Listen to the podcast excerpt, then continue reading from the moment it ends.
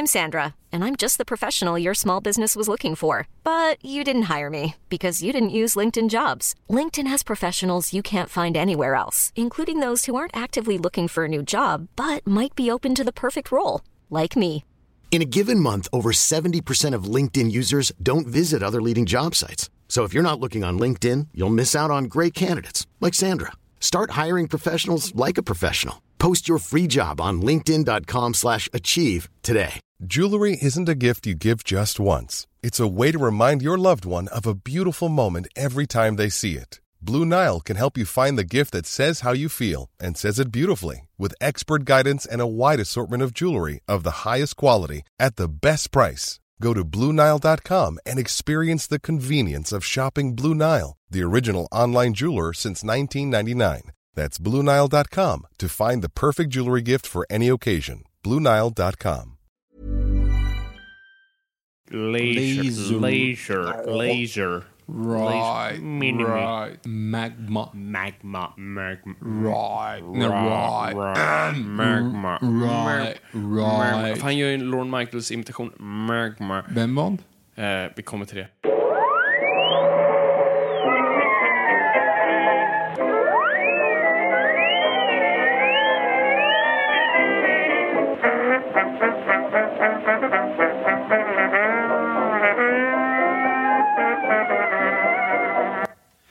Då börjar det i stort sett bara. So I make you horny baby. Hej och välkomna till Nörden och jag, det är jag som är nörden Fabian Nordlander. Och det är jag som gör Viktor Det Engberg. här är podcasten i samarbete med Acast där vi pratar nördämnen, nördkultur i slags bildande syfte. Jag försöker bilda Viktor i saker han tycker om inte vet så mycket Och om. idag är en speciell dag. Idag är en speciell dag för att vi, vi, vi får se hur det här går. För det här, det här är lite av en sån här första, första gången vi testar det här. Jag vet att du har varit lite rädd för att prata om komedier i Ja, den här podden. För att saken att risken finns att i övrigt bara, oavsett vad vi pratar om, så slutar med att vi refererar, alltså bara sitter och drar referenser till Nile City. Eh, Precis. och det här kommer ju vara det deluxe. Ja. Alltså med, med andra ord, vi ska ju prata om, om, om eh, filmer som handlar om, om komedi, så att säga. Eller som handlar om att dra skämt. Vilket risken finns att vi bara sitter och drar skämt själva. Precis, och, och, och det är ju aldrig kul att höra någon annan dra ett skämt med sämre timing. Det är lite som när folk förklarar en, eh, en fyllehistoria. Där de var med om någonting skitcoolt som hände på fyllan. Typ en liksom, hangover-grej. Eh, och man inser när personen förklarar den historien att ja, det, var, det måste varit skitkul att vara där.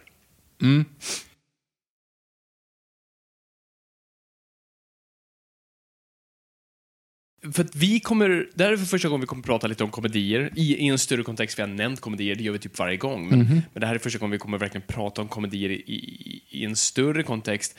Ehm, och så det här kommer vara ett test för att sen kanske gå in på lite mer eh, saker ni vill att vi pratar om helt enkelt. Sånt som Mel Brooks eller, eh, jag vet inte, på ett sätt så är det till och med så här en varningsflagg för att vi kommer inte kunna prata med Mel Brooks för kolla på det här avsnittet, det här kommer inte fungera. Monty Python, vad, vad, vad man nu vill ha det. Nej men precis, för att det vi ska prata om, för, jag kände att det, det fanns lite i, i luften just nu, för vi pratade i, i vårt Mission Impossible-avsnitt av att så här, det låg någonting i luften när Rogue Nation kom ut, för det var, det var, det var ett år med, ba, med jättemycket spionrullar. Och det känns som vi är lite där igen. Det börjar bli en sån här, alltså när Bond inte har kommit på ett tag, då börjar på något vis nästan marknaden själv producera ut substitut för det. Så nu har jag haft en till Mission Impossible. Eh, med Fallout, som vi nu vet att den heter. Det, inte Killzone. Nej, exakt. Och eh, vill ni höra nummer ett, vårt Mission Impossible-avsnitt, gå tillbaka. Vill ni höra vår recension av eh, Fallout, så lyssna på vårt förra avsnitt, eh, där vi faktiskt recenserar den.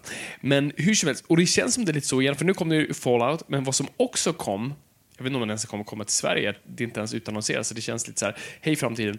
Eh, det är The Spy Who Dumped Me, Just det, eh, Kate McKinnon och den andra. Ja, men vad fan. Mila ingen Kunis. Eh, som är då en spionspoof, men med två brudar i stort sett. Ehm, och det fick mig att tänka på, just det, spionspoofs, det är nästan det är nästan sin egna genre, av, alltså subgenre av komedier. Mm. Hur många subgenrer av komedier finns det? Jag vet inte. Inte särskilt många. Nej, just det. Det är det som är svårt. Alltså hur många specifika genrer av komedier finns det? Mer än liksom slapstick och pastisch och spoofs och allt sånt. Hangover-komedier. Ja, ja men exakt. Och, och alla de här Scary Movie och alla, alla de där bitarna. Men, men spionfilmen har på något vis haft en svans efter sig av parodier och spoofs och pastischer. Och det fick man att tänka, fan det där, det där är värt att kolla tillbaka på. För det finns ändå några godingar. Och, och framförallt en liten gren i det här stora, eller en stor gren i det här trädet som är en fanfavorit. Och jag kände bara, vi kommer aldrig kunna prata om det här om det inte är Jag skulle säga så här. Austin Powers är såklart det vi pratar om. Ja. Och jag skulle bara, vi måste på något sätt vänta med Austin Powers mot slutet av avsnittet Ja, ja, för att på dit. något sätt komma in någonting viktigare innan för att Austin Powers kommer bara sluka mig i ett svart hål av referenser och 90-tals eh, Yes. nostalgi. Och det var liksom. någonting vi verkligen insåg nu när vi kollade om några, eller kollade om alla tre av dem och bara shit. Nej, En, men det, en det är nästan, det är obehagligt. av Det är obehagligt. Ja. är Austin Powers. Både i form av hur vi formulerar oss, hur vi beter oss, vilket Mm. är illa. Hur jag betedde mig framförallt. Alltså, det, Framförallt ja, det. mm, vi kommer till det. Vi kommer in på det. Men framförallt spionspoofs. Så, vi vi har ju pratat om James Bond tidigare. Och det, är- det är ju lite så här, det är gudfadern av spioner. Det är inte den första, men det, det, det är ju den som är the grand prize. The, gra, the grand prix. Eh. Okej. Grand prix? Ah. grand prize, jag sa det innan så det var lite så här, lutar åt Paris, Avelot. Avel- On a pilot taxi. Ja, precis. On a roule pas. Nu ska vi inte prata om fransmännen här. förlåt. Nej, just det. Det är britterna vi pratar om. Ja, Fel sida förlåt. av ån och fy fan. Jag skulle inte Håller kalla, upp peace-tecknet. jag skulle inte kalla det å, en å. Det är ändå Atlanten. Förvisso så engelska kanalen är ju liksom inte så men En kanal då, en kanal. Ja, en mm, kanal. Vi ska kalla det för kanal. Men vi är på fel sida av den och vi är inte här för att prata fransmän. Nej. Vem är egentligen? Hur som helst, vi är här för att prata i stort sett... ja. Så, vi har pratat James Bond, lyssna på vårt James Bond, eller våra James Bond-avsnitt. Vi gjorde ett antal. Tre. Eh, tre stycken för att vara specifika. Och vi kommer göra det igen. Snart. Yes. Eh, Spionspoof, by the way. Förlåt. Eh, nej, väl- nej, fortsätt. Jag tänkte att det Nej, finns men faktiskt det- franska spionspoofer också. vilken tänkte du på? Pink Panther. Nu slår du din, din mikrofon mot huvudet. Var får du Fra- Frankrike ifrån? Han är fransman. Ja, Clouseau är ju fransman. Ja. Ja. Men vad, är Varför- mer, vad mer? Han det är Peter fran- Sellers. Ja, ja, och eller Steve Martin beroende på vilken version du ser. Exakt. Och sen så pratar han ju med fransk brytning och är jättefransk hela tiden. Yes, Ja. David Niven. Okej, eh, förlåt. Visst, Pink Panther porträtterar en fransman, men det är Ja. så brittiskt det bara kan bli. Jo, men det är ändå franskt. Absolut. Nej, men du, du, du är inte på helt fel sida av kanalen, men fortfarande fel sida av kanalen. Och det är inte riktigt... Är det, ska man kalla Pink Panther för spion? Jag skulle kalla det mer heist Ja, kanske då. spoofigt.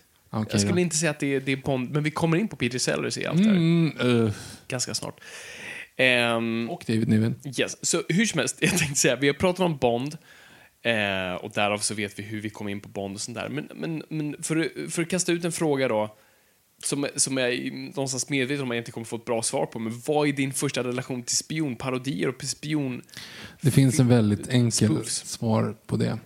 Mm. Ehm, ju, mer, ju äldre man blir i livet, eh, Mm. desto mer inser man vad, ens, eh, vad lättpåverkad man var som, som yngre. Absolut. Eh, tänk dig tillbaka till tiden runt 98-99 där någonstans. I'm there. Du är liksom 7-8 år, eh, McDonalds är jordens bästa sak och eh, Jurassic Park är liksom så här, the shit. Dominerar fortfarande. Ja, och du tänker så här, din, när din, din far säger någonting, eller din mor, det spelar ingen roll, men, men liksom en av dina föräldrar skulle säga så här, det här är, det här är roligt. Ja, ja, Eller, min far. Mm. Det, det är, då är det kört. Det är så här, Det- det, jag, skiter i vad det är för någonting. Det är när den personen säger att det här är roligt så är det roligt. Det är ett budord.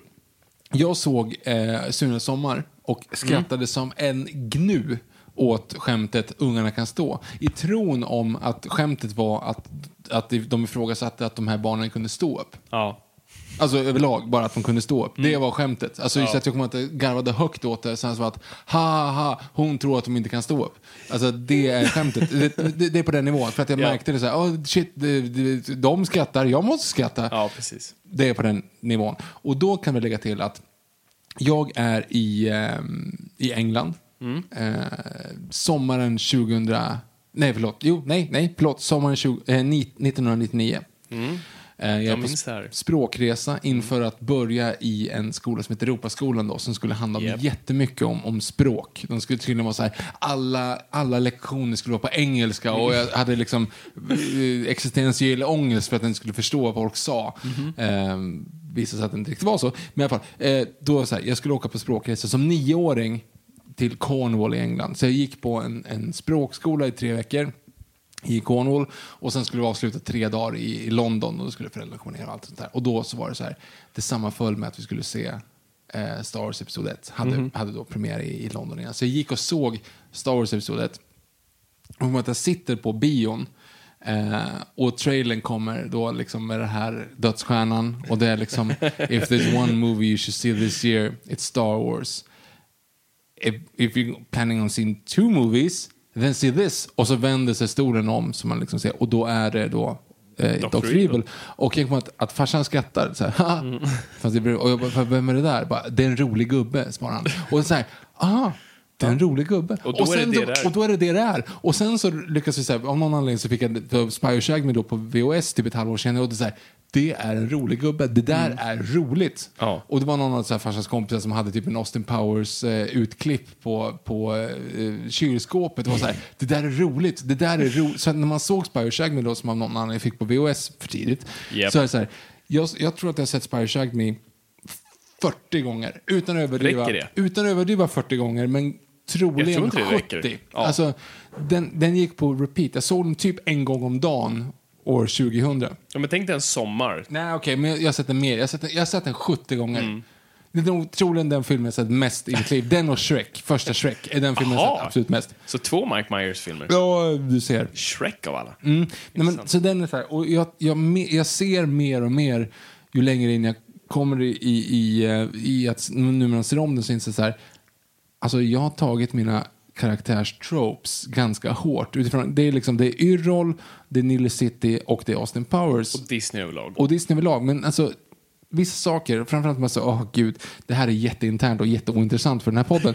Men jag filmade väldigt mycket som ung och då har jag gjort liksom en sommarfilm 2001, 2002, 2003 och så vidare. Så här, bara massa så här, du vet, man filmar folk som kommer på besök till landstället. ja, liksom, folk där. som hoppar ner i vattnet. Precis, och då har det ändå varit det lät jätteweird utan kontext bara, folk som hoppar ner i vattnet. Oh, så ja, men, alltså, så här, vad man gjorde den sommarlovet liksom. Och då har jag jätte, jätte, jättemycket referenser till Austin Powers, då, då sommarfilmen 2001. Alltså, jag, jag, jag trodde typ att det var så man skulle bete sig. Alltså det, det, liksom, det, blev så, det merchade över från att vara James Bond till att det var Austin Powers man skulle göra. Jag vet att jag sa ganska ofta right, alltså den här grejen som, som Dr. Evil gör.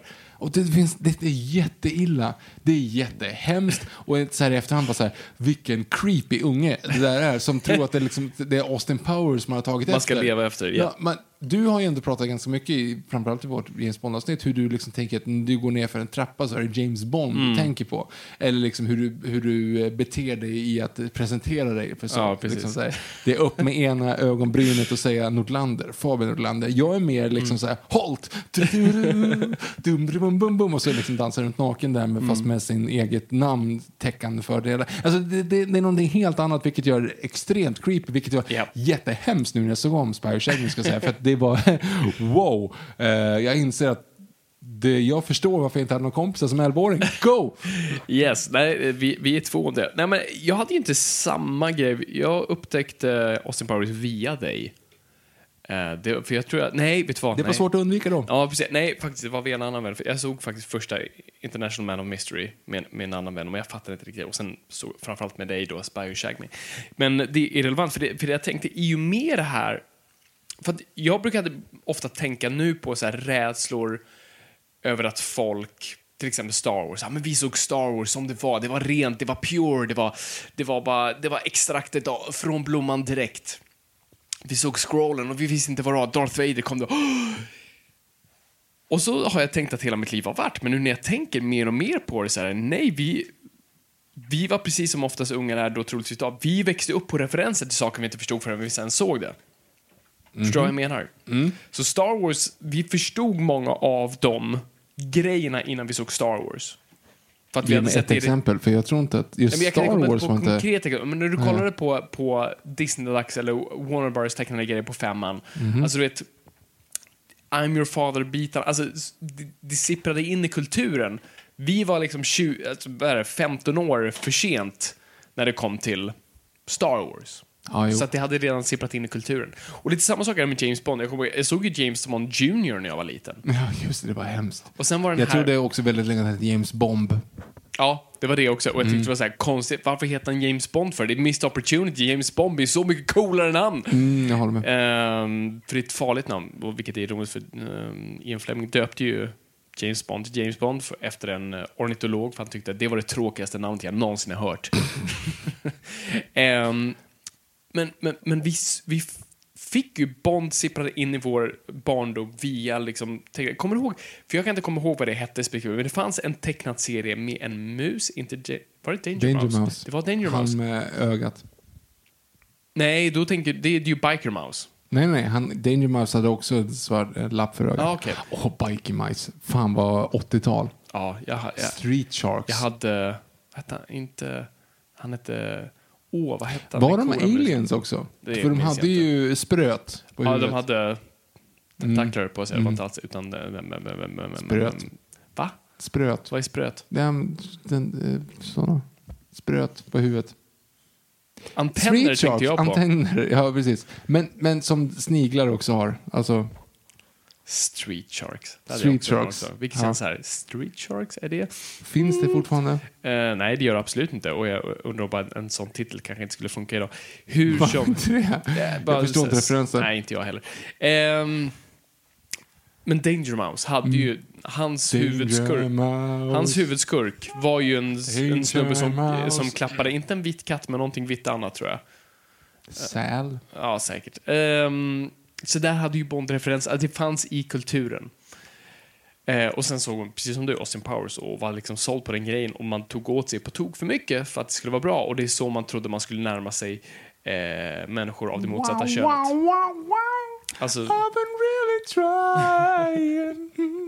alltså ju, ju, just den här biten med, vi kan inte göra det för det här är ett ljud, men just liksom så här kattöronen och liksom så här, Ja, slicka men, handen alltså, jag säger så här, nu, nu är inte jag en dansare överlag, eh, så, a- absolut inte. Mm. Inte men de gångerna man har, har befunnit sig på, på en nattklubb eller på ett dansgolv, så här, för övrigt alltid slag i golvet, Mm. om, om det finns ett sånt. Men så är det otroligt mycket Austin Powers. Alltså 40, säg så här, 50 procent av alla mina moves Mm.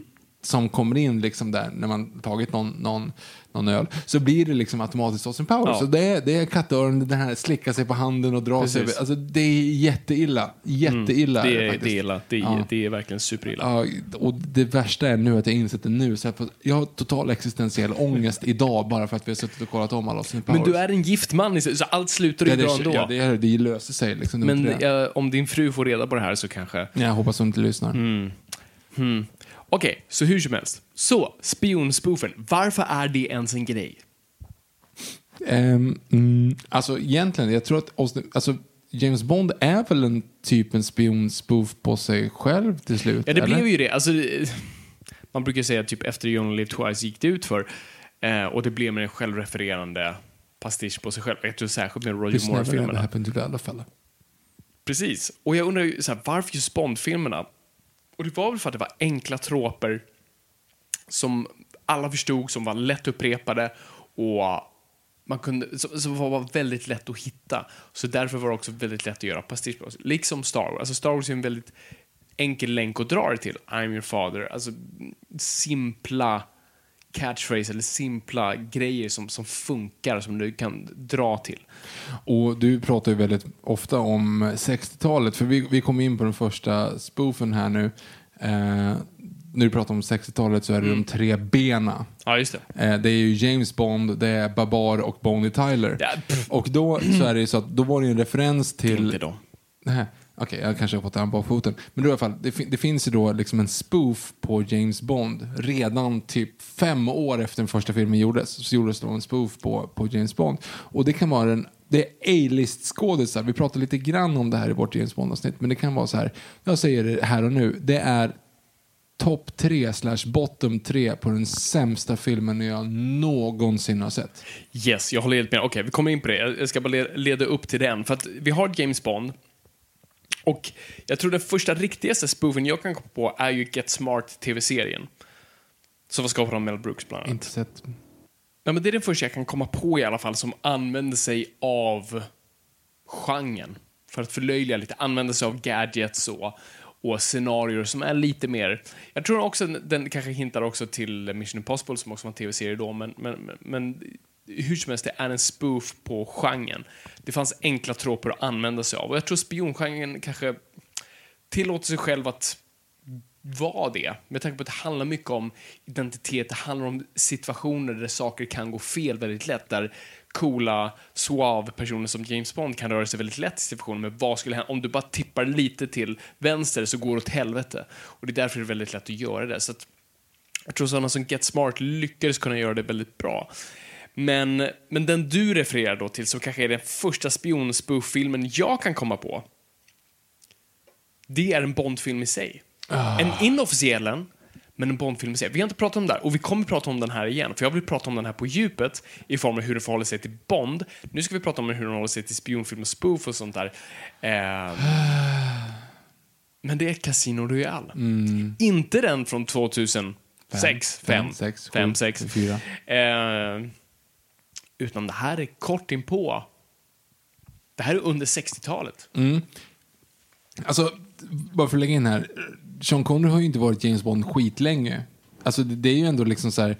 Det är ju bara några år efter första Dr. No. Alltså, det är ju liksom, det är en film som kommer ganska tajt 67 ifrån. Ja, ja, men precis. Den kommer ju mitt i. Det är fem år liksom efter Dr. No. Precis. Och för er som inte har lyssnat på Bond-avsnitt eller kanske inte riktigt har koll på det, så vänta, Casino Royale har den... Yes, den har gjorts tidigare. Så här. Eh, när Ian Fleming skrev Bond så var det några ventures med att filmatisera det. Så han sålde några rätter. Vi ha- Vi hade Thunderbolt ute och viftade eh, och vi hade Casino Royale som köptes upp först, som är den första boken. Och de som ägde dem var... Vilka fan ägde de då? Någon. Någon. Någon ägde dem. Mm. Eh, inte eh, Eon Productions. Ehm, Everything or nothing. och, och det var en film som hade, ha- hade försökt att göras i flera, flera år, men det hade bara fallit sönder. Men sen då när Eon Productions väl körde igång med sin, sin Bond-serie, som ännu håller, håller igång idag, så satt ju det här bolaget på Casino Royale-rättigheten och sa vi kan göra en Bond-film om vi vill. Vi har rättigheterna, så vi får använda oss av namnet Bond 007.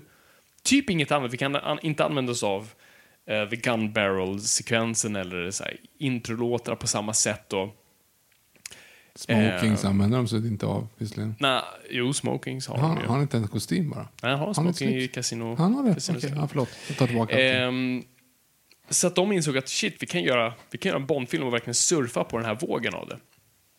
Och därav görs Casino Royale som en adaption av boken. Eller vi kan inte ens kalla det för adaption. Jag vet inte ens vad det är för något. Nej, det är jättekonstigt. Och, och premissen, alltså de använder sig, alltså jag tror typ 2% av boken. Ehm, en bok som jag verkligen rekommenderar att folk läser. Men, ehm, så premissen är, James Bond är gammal här, spelas av David Niven. Eh, Bra Jeopardy-grej för övrigt, om det är någon sån där inom, inom inofficiella serien, vem har spelat James Bond? David Niven är en sån sak. Jag har till och med fått Inte en den någon första gång. James Bond dock. Nej, för det var någon Jimmy Bond i USA Precis. någonstans. Vilket de, de använder sig av Jimmy Bond här, vilket Ja, jag vet, är vilket intressant. är weird. spelas Ja. av Woody Allen. Men Woody Allen av alla människor. Ja, fortsätt. David Niven spelar James Bond här, en gammal James Bond, vilket är ironiskt för Casino Royale är ju den första James Bond-boken. Och det är tidigt i hans karriär. Boken pratar ju om hur han får sin dubbelnolla-status. You have to kill two people. Cold Blood. Second one is... Ja, vänta, nu måste vi ju... Uh, just det. He made, he made you feel it, did he? The second one. Pew, pew, pew.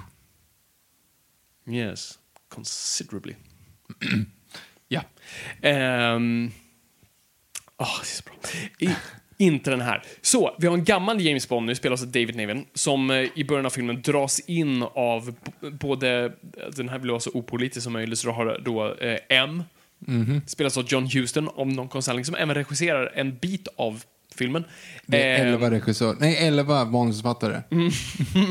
och sen några okreditade eh, i den. Så du, har, så har John Huston som M och sen har du, eh, du har en, eh, den, den KGB-chefen, du har CIA-chefen eh, som spelas av William Holden. Samma Stackare. skämt som Austin Powers kommer ta sen, men fast göra det bättre. Ja, just det. Eh, och sen, ja precis, har alla liksom, de stora nationernas eh, agentchefer eh, som, som ber James Bond att go back to the game på så vis. Och det här är innan troppen James Bond är ens uttvättad. Det här är inte ens, och den leker inte med te- tematiken likt Skyfall om att prata om du en, din karaktär är över, din karaktär har spelat ut sin roll. Damn, I missed the Cold War. ja, men precis.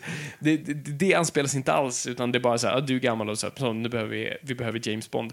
Och ehm, alla agentchefer dör och vi har då bara James Bond kvar. Och hans idé då är att vi ska träna massa agenter till att vara James Bond.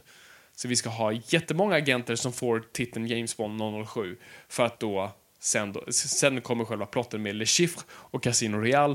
Fast och den kommer om en och en halv timme. Så du, en och en halv timme in i filmen så dyker väl det upp och då är det Peter Sellers som tar på sig manteln som agent 007, James Bond, för att han har skrivit en bok om Baccarat, hur man spelar det och därav kan övervinna Le Chiffre i då spelet. Så Viktor, du såg den här nu. Du hade, ingen, du hade inte sett den innan. Nej. Jag fick den här på DVD av en eh, lyssnare faktiskt på Comic Con för två år sedan som heter Mm. Axel Järv. Ehm, Och nu kom den till användning. Det kom till användning för att nu faktiskt pratar vi om den. Jag ska säga så här. Jag ska säga. Ibland så tar vi till kraftuttryck i den här podden. Vi, liksom, vi, vi, vi, ska inte säga, vi, vi överdriver inte, det gör vi inte. Men vi tar ändå till kraftuttryck. Så det här är... Mm, så så här. Eh, Birdemic är en hemsk film.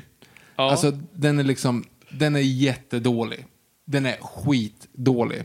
Eh, The Room, en dålig film. Och den är liksom, du vet, skådespeleriet, produktionen, manuset, allting är klappkast. Men du kan se den flera gånger. Men jag kan säga flera gånger. Casino Royale vill jag aldrig, aldrig, Den får 60 aldrig någonsin se om. Alltså så här, det här kan vara, just på grund av budget, kvaliteten på de som ligger bakom, kvaliteten på de som är med i filmen, för det är liksom, det är A-list-skådisar. Orson Welles är med i den, Woody Allen, eh, Peter Sellers, David Niven, alltså det är Ursula stora, Andrews. Ursula Andrews, alltså det är stora skådisar som är i filmen. Jag skulle säga så här, det här är den sämsta filmen jag sett. Oj! Jag tror, fan att, absolut jag tror att det är den sämsta filmen jag sett. Utifrån Värre liksom, än Die Another Day. Ja. Åh jävlar. Nej, det här är, alltså, det här är värre. Det här är, det här är, det här är hemskt. Nej, jag, jag kan hålla med dig. Jag, eller inte riktigt på det, det sämsta jag sett. Det är bland det sämsta sett. Eh, d- är så här, om det är någon jag behöver se om, ja, det, det, är så, det, det är svårt att, mellan Die Another Day och den här. För den här House of the Dead är bättre. Oj, okej, nu. Nu är vi lite, nu är vi lite, nu är vi lite... Nej, House of the Dead är bättre. Okej. Hmm.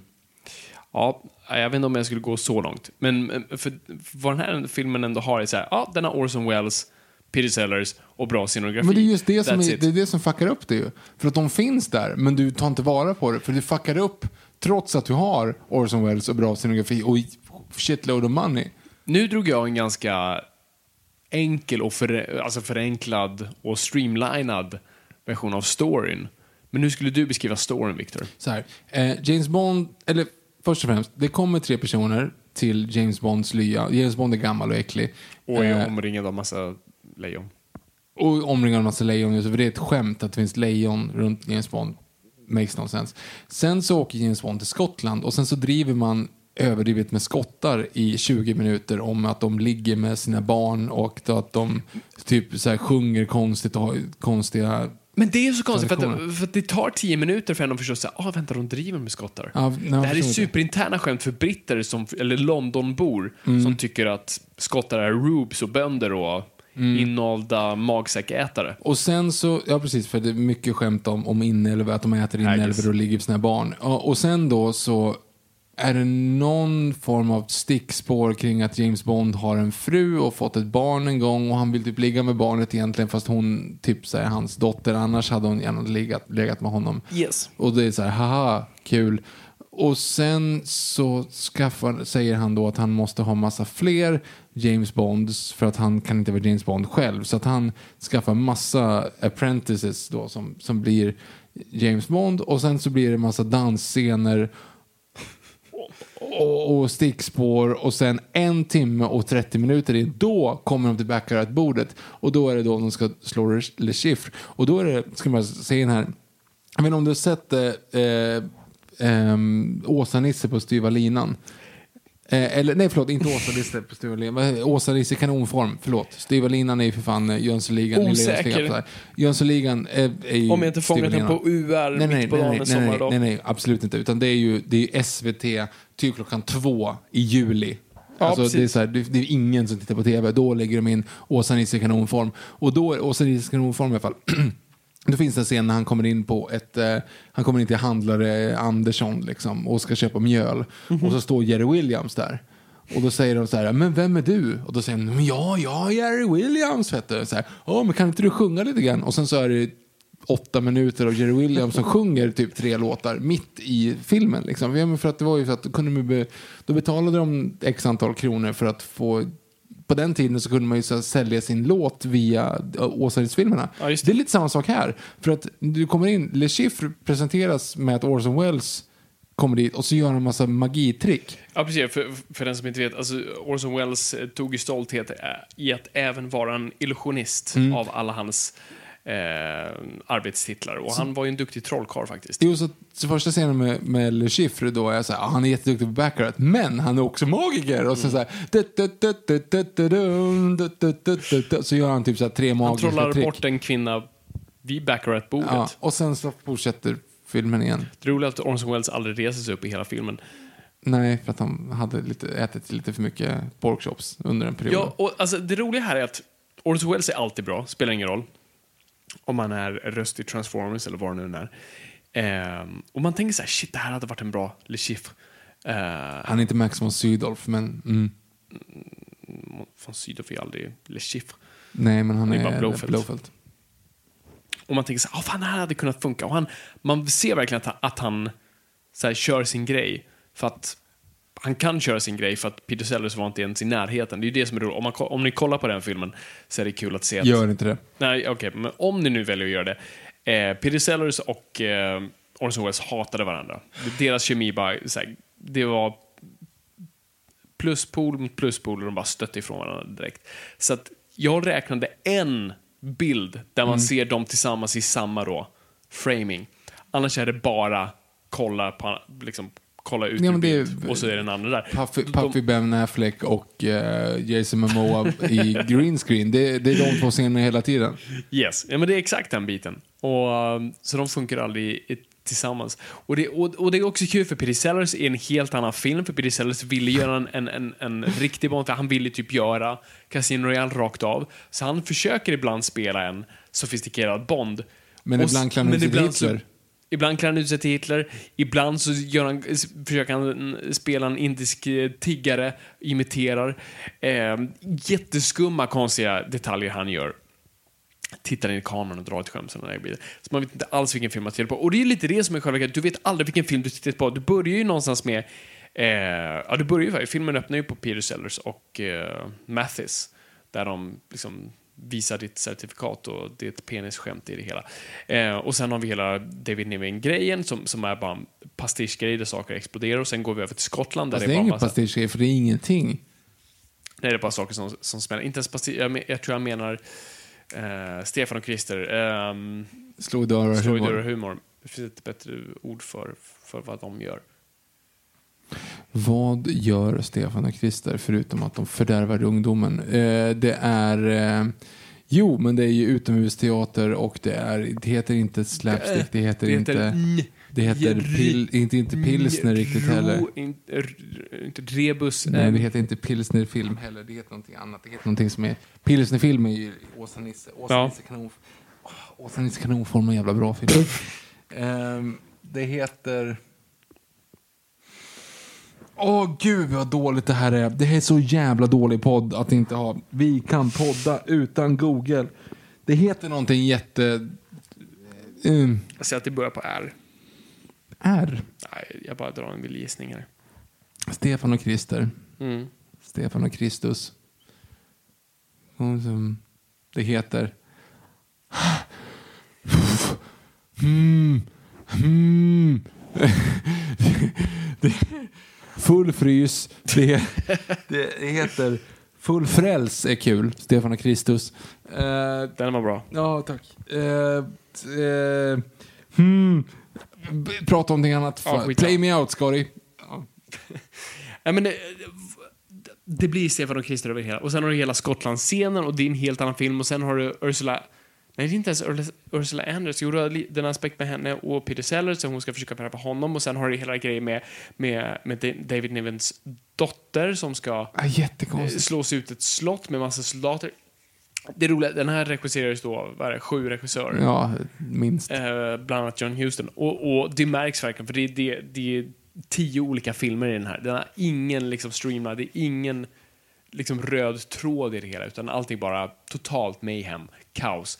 Ehm, och eh, jag, jag är bara förvirrad. Nej, jag, jag, jag tyckte det var hemskt. Jag tyckte det var otroligt hemskt. Det, det, jag, jag var inte underhållen en minut i den här filmen. Nej, nej, nej, nej, ja, alltså lite liksom bra scenografi. Vart då?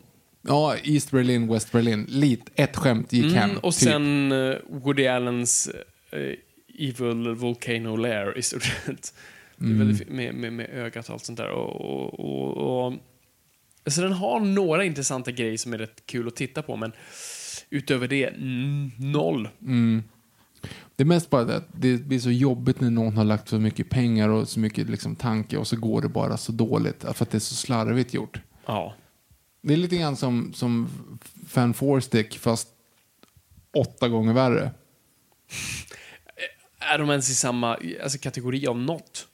Jo men Fan Four Stick var ändå liksom så här, du vet vi hade ambitionerna, vi hade castat, jätt, vi hade castat bra personer, vi hade castat liksom så här, det här finns förutsättningar men så bara fuckar man upp.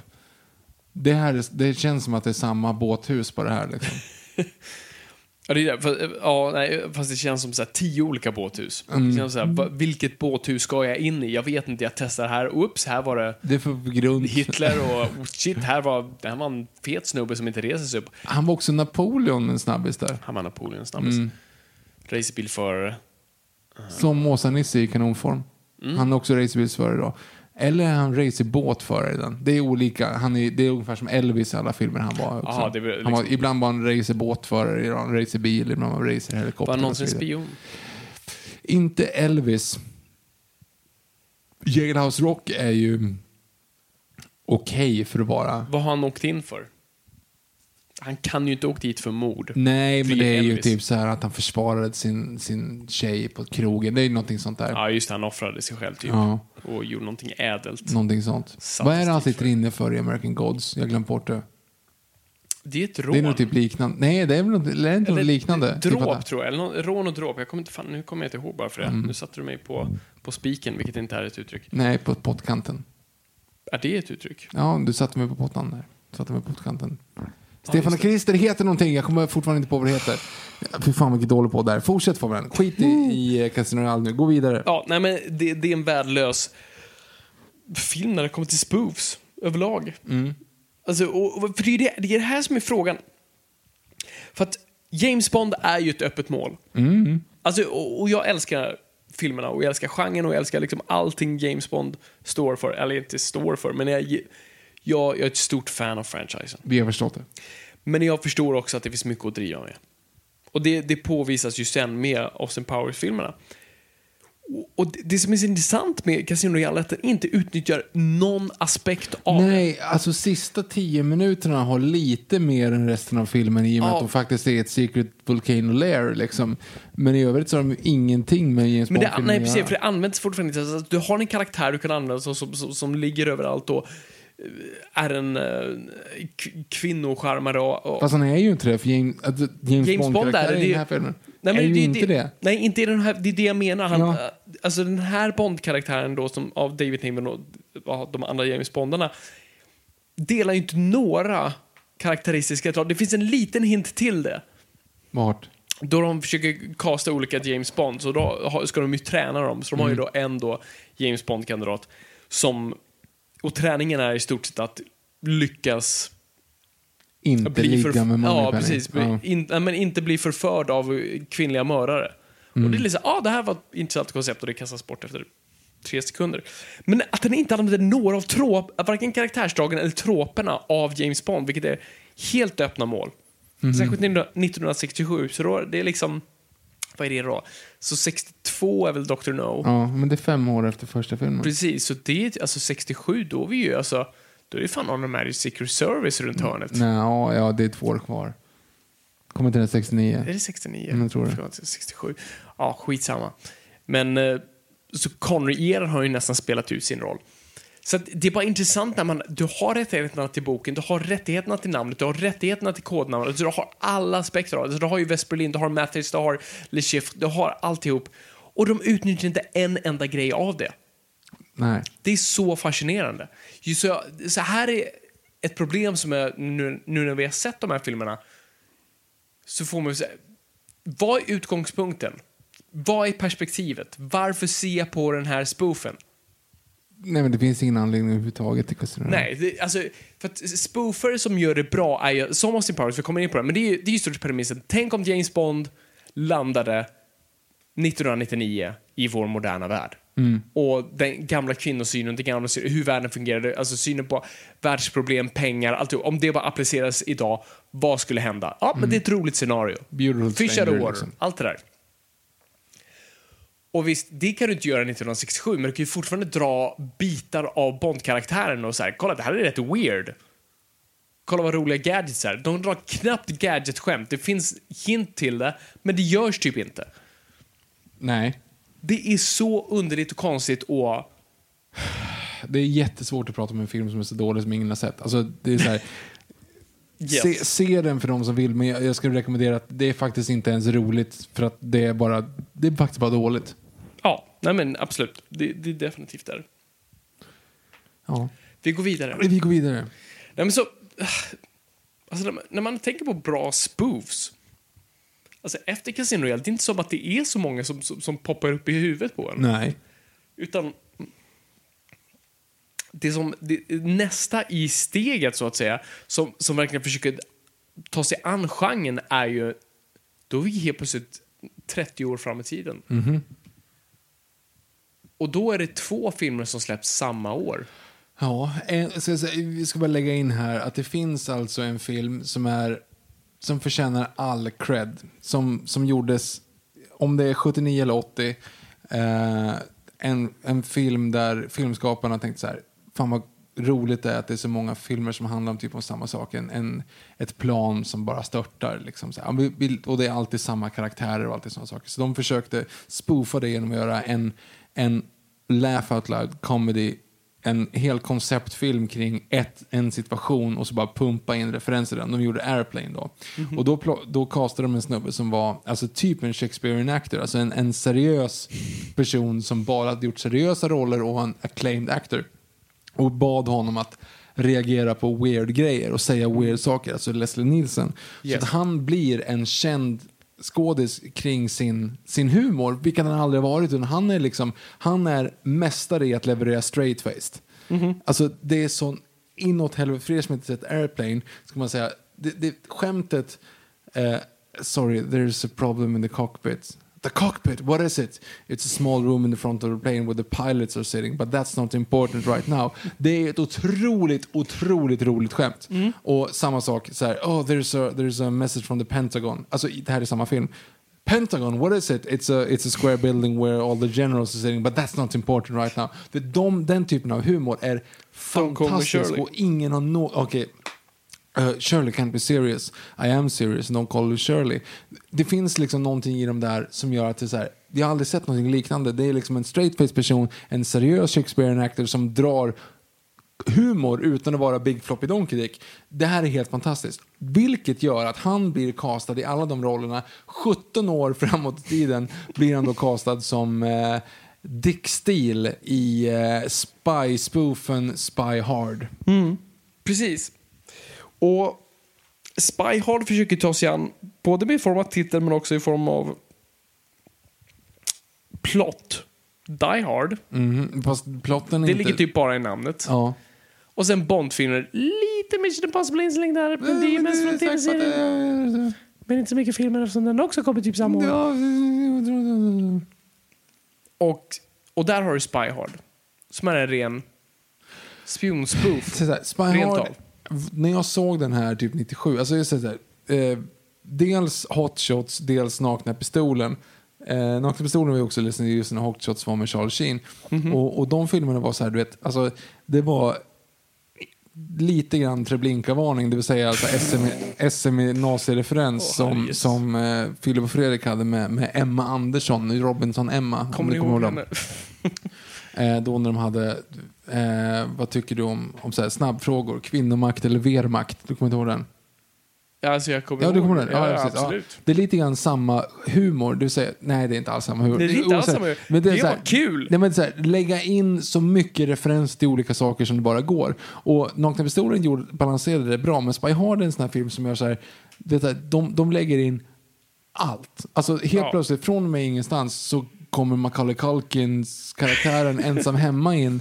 Och det är så här, den här är gjord 97, Ma- alltså ensam hemma kom 90. Det är, sju- det är sju år för sent. Vilket Meet Spartans kommer, göra, kommer följa upp och döda Yes. genren helt. Men det här är liksom lite grann den sista sucken av när det fortfarande var lite halvfräscht. Att bara så här, ja nu namedroppar vi... Ja, men Så Jurassic skurken Park har en, en Velociraptor för att Jurassic Park är poppis. Alltså den där typen av humor som är Mm. jättekonstig. Nej, men jag, jag tror den här filmen är början på slutet därav. Alltså som du sa, alltså jag, jag tror genren dör med Meet the Spartans. Absolut, Mm. gör sådana här Vampire Sucks och... Ja, vad fan heter den? Det är inte samma... Det är Date Wayans- movie, Ja, superhero nej, movie. Nej, men jag tänkte, ja, de, de är ju innan Meet the Spartans, men jag, jag tänkte specifikt på Fifty Shades of Black. För det är ju Åh, Wayans jag har eh, bröderna. den. Eh, så det är ju inte riktigt... Eh, en eh, separat. I och för sig, de, hade ju, de startade ju hela med Scary Movie som var på något sätt uppsvinget av det hela. Och för övrigt gjorde de också Naked, vilket är en, en eh, remake på den svenska typ filmen nu. Naken. Hej framtiden. Alltså den kom ju typ ett år sedan. Ja, jag har inte sett den, men Direkt jag har sett den svenska filmen Naken. Yes, intressant. Anna. Järphammar är med den, det är det enda jag kommer ihåg typ av den. Plus att han vaknar naken i en hiss där. Ja, Yes, med en kondom i Mumindalen. just det. Men inte viktigt just nu. Ehm, hur som helst, så det intressanta med Spyro är just att det är början på slutet tycker jag av den här genren. Alltså det börjar någonstans med Airplane, att du använder dig av referenser men som är de behöver inte vara fräscha för vi, vi är så specifika. Vi ska bara göra pastisch på de här filmerna i den här genren och vi rör oss sällan utanför det. Och det sen leder oss till Spy Hard där vi bara säger, ja vi börjar med Bondfilmer men sen så, pff, vi kastar in allt vi har. För att den går ju ganska hårt på Bondfilmer, alltså du har ju hela Weird Al Yankovic introlåten. Jättebra. You're watching Spy Hard, Ja. som den heter. Som är det bästa i hela filmen. Mm, jag tror det. Allting funkar med Weird Al. Mm, Weird Al är fantastisk. Och sen har du ju bara i stort sett en Bond-spoof. Där du har en bad guy, kärnvapen och... Ja. Nej, men och sen är det liksom SM i att bara lägga in så mycket referenser till olika filmer som det bara går. Alltså typ som Scary Movie var också, alltså, och jag tror att så här, när jag var sju, jag ska säga Spy Hard var en av de bästa filmerna jag någonsin har sett när jag var liksom åtta. Mm. Och, och det var referens också till att jag förstod vilka filmer de försökte spoofa. Ja. Man kände sig lite smart. Ja. Alltså- och det är ju precis det sådana filmer vill göra. Och det är ju fortfarande, men hela den här podden är samma sak. Ja, alltså sant. vi drar ju referenser till saker som att så här, någon som känner igen det här känner att oh, men de som inte känner igen det går över huvudet. Fast det här är så pass hårt så att du, du siktar in på sjuåringar som har sett Jurassic Park. Bara så här, Va? Ja, det är en dinosaurie. Jag förstår vad vilken film det här är ifrån. Det är på samma nivå. Allt för sant. Och, men jag, jag här, ja, jag, vet vad Jurassic, jag vet vad Jurassic Park är, jag vet vad Star Wars är, jag vet vad James Bond är. Fine, det här är filmen för mig. Det, fin- ah, nej, det är väldigt, väldigt speciellt. Jag, ehm, jag tyckte att den här var hur fantastisk som helst. När den, när jag, jag såg den hundra gånger. Och jag kommer ihåg ett ganska stadigt minne från eh, lågstadiet när jag då säger att jag har sett en film som heter Spy Hard. Eh, till någon som var typ vet, två år äldre, lite cool sådär. Och han började prata om, åh, har du sett Die Hard? Ja, den är jättecool. För att, alltså, kommer du ihåg när han, när han skjuter honom i benen och han bara flyger och kliver på de här eh, glassplittrarna? Jag säger, och, och han och, och, och när, när han säger yippee motherf- och jag bara mm. Och sen så gick han omkring i typ två år och high-fivade mig och pratade Die Hard med mig och jag bara spelade med. för att jag bara ho, ho, ho, I Ja, have a machine gun. Ja, precis, fast- Och du bara woo! Fast jag, säger jag var sju, han var nio och han hade sett Die Hard. Men han var ju coolast i skolan för att han hade sett Die Hard. Ja, gud, ja. Och han trodde att jag också hade sett det. Så det gick omkring också och då låtsades ha sett Die Hard. Eh, Nice. Men jag hade sett Spy Hard och jag fattade inte förrän typ ett halvår senare att det var inte samma film vi pratade om. På tal om att se referenserna först innan du ser Mhm. originalen. Men det är, en, ko- det är en konstig film tycker jag. Den har några bra skämt, det är några roliga, alltså det, av, av de här disney någon som tappar någonting och någon får det i huvudet. Alltså de där bitarna. Är det så, är det så roligt då? Ja, det är inte så roligt, men det är lite roligt. Mm. Men ännu en gång, perspektivet. Mhm. Leslie Nielsen-karaktären som heter DW40, det är hans kodnamn. Ja. Och du har hans chef som alltid... Dick Steele. Dick Steele. Eh, och det är ju så här, haha, haha Ja. penis. Eh, du, har, du har hans M-karaktär, chefen, som alltid är gömd. Samma skämt som Dum Dummare 2 också gjorde. Okej, det, Mm. det har jag missat. Men, men just bara, han är gömd, var man, han är antingen en soffa eller han är i en tavla eller vad, vad det nu än är. Och man sitter men vad är det här det refererar till? Vad är utgång, ännu en gång, vad är utgångspunkten? Leslie Nielsen är inte en James Bond-karaktär, han spelar sin karaktär från Airplane. Eller som man gör i alla sina filmer, eller, från, eh, eller Nakna Pistolen, det är alltid den här liksom straight face, eh, superseriösa, där konstiga saker händer runt omkring. Och som inte har koll på sin omgivning. Eh, men det är inte en James Bond-karaktär. Det är, inte, det är ett James Bond-scenario, men du ännu en gång använder dig inte av det. Du utnyttjar det inte. Jag, jag kommer att tänka på, jag, ju mer jag ser den här, eh, Ja. jag tycker typ att den är kul för att jag har sett den som ung och tyckte att det var jätteroligt. Men ju mer jag ser den och mer jag tänker på den, desto mer tänker jag på hur jävla bra Nakna Pistolen är egentligen. och så Nakna Pistolen har, förstod ju också kombinationen av att göra saker lite, lite, lite subtilt. Alltså, det finns den stora Big Floppy Donkey Dick i bild för de som liksom skrattar åt det. Men där bakom, Ja, det. om du kollar lite grann till vänster så står den här snubben i bakgrunden också. Det, och det är roligt för 5% av de som tittar, men det är jätteroligt för de som gör det. Till exempel, kommer du ihåg den scenen? Det är ju liksom eh, eh, Intouchables, är det väl, trappan där. Eh, barnvagnen som flyger ner pansarkryssaren på. Temkin. Men Ja, du vet, det är Intouchables med den scenen de spoofar.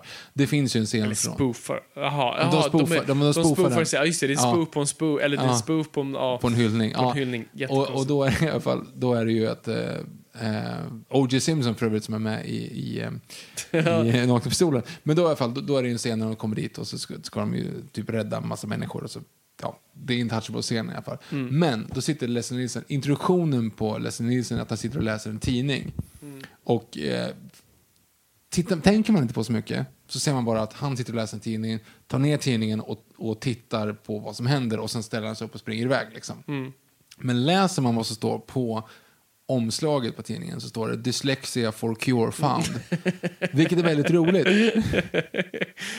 Jag är dyslektiker, jag kan skratta åt Ja, det. men det, och då är det så här, okej, fine, det där, det där, det där ska ni ha kudos för, Mm. för att ni tänkte på det. Och vilket jag återkommer, kommer att återkomma nu snart till i den här spoofen, när eh, Goldmember kommer in, alltså Austin Powers tredje film, Mm. när de har den här, eh, så här, saker jag måste göra innan jag dör. Ja, just det. Och det är en sån jävla missed opportunity. Mm. Vet, du, det, är så här, det är saker du ska stryka över, du ska göra innan du dör. Och Precis. det är bara så här, Saker han har gjort. han har gjort, vilket Som vi har sett det finns inget roligt, det är inget roligt överhuvudtaget. Utan det är Nej. bara så här vanliga Och där, jag vet inte vad jag ska komma här, men jag tycker bara att det var ett väldigt roligt skämt, dyslexia for cure found. Fortsätt Jättebra. Nej, men det är jättebra. Men, men, men ännu en gång, den här, den här filmen förstår ännu en gång inte vad perspektivet är, vilket jag tror det är det viktigaste i komedi.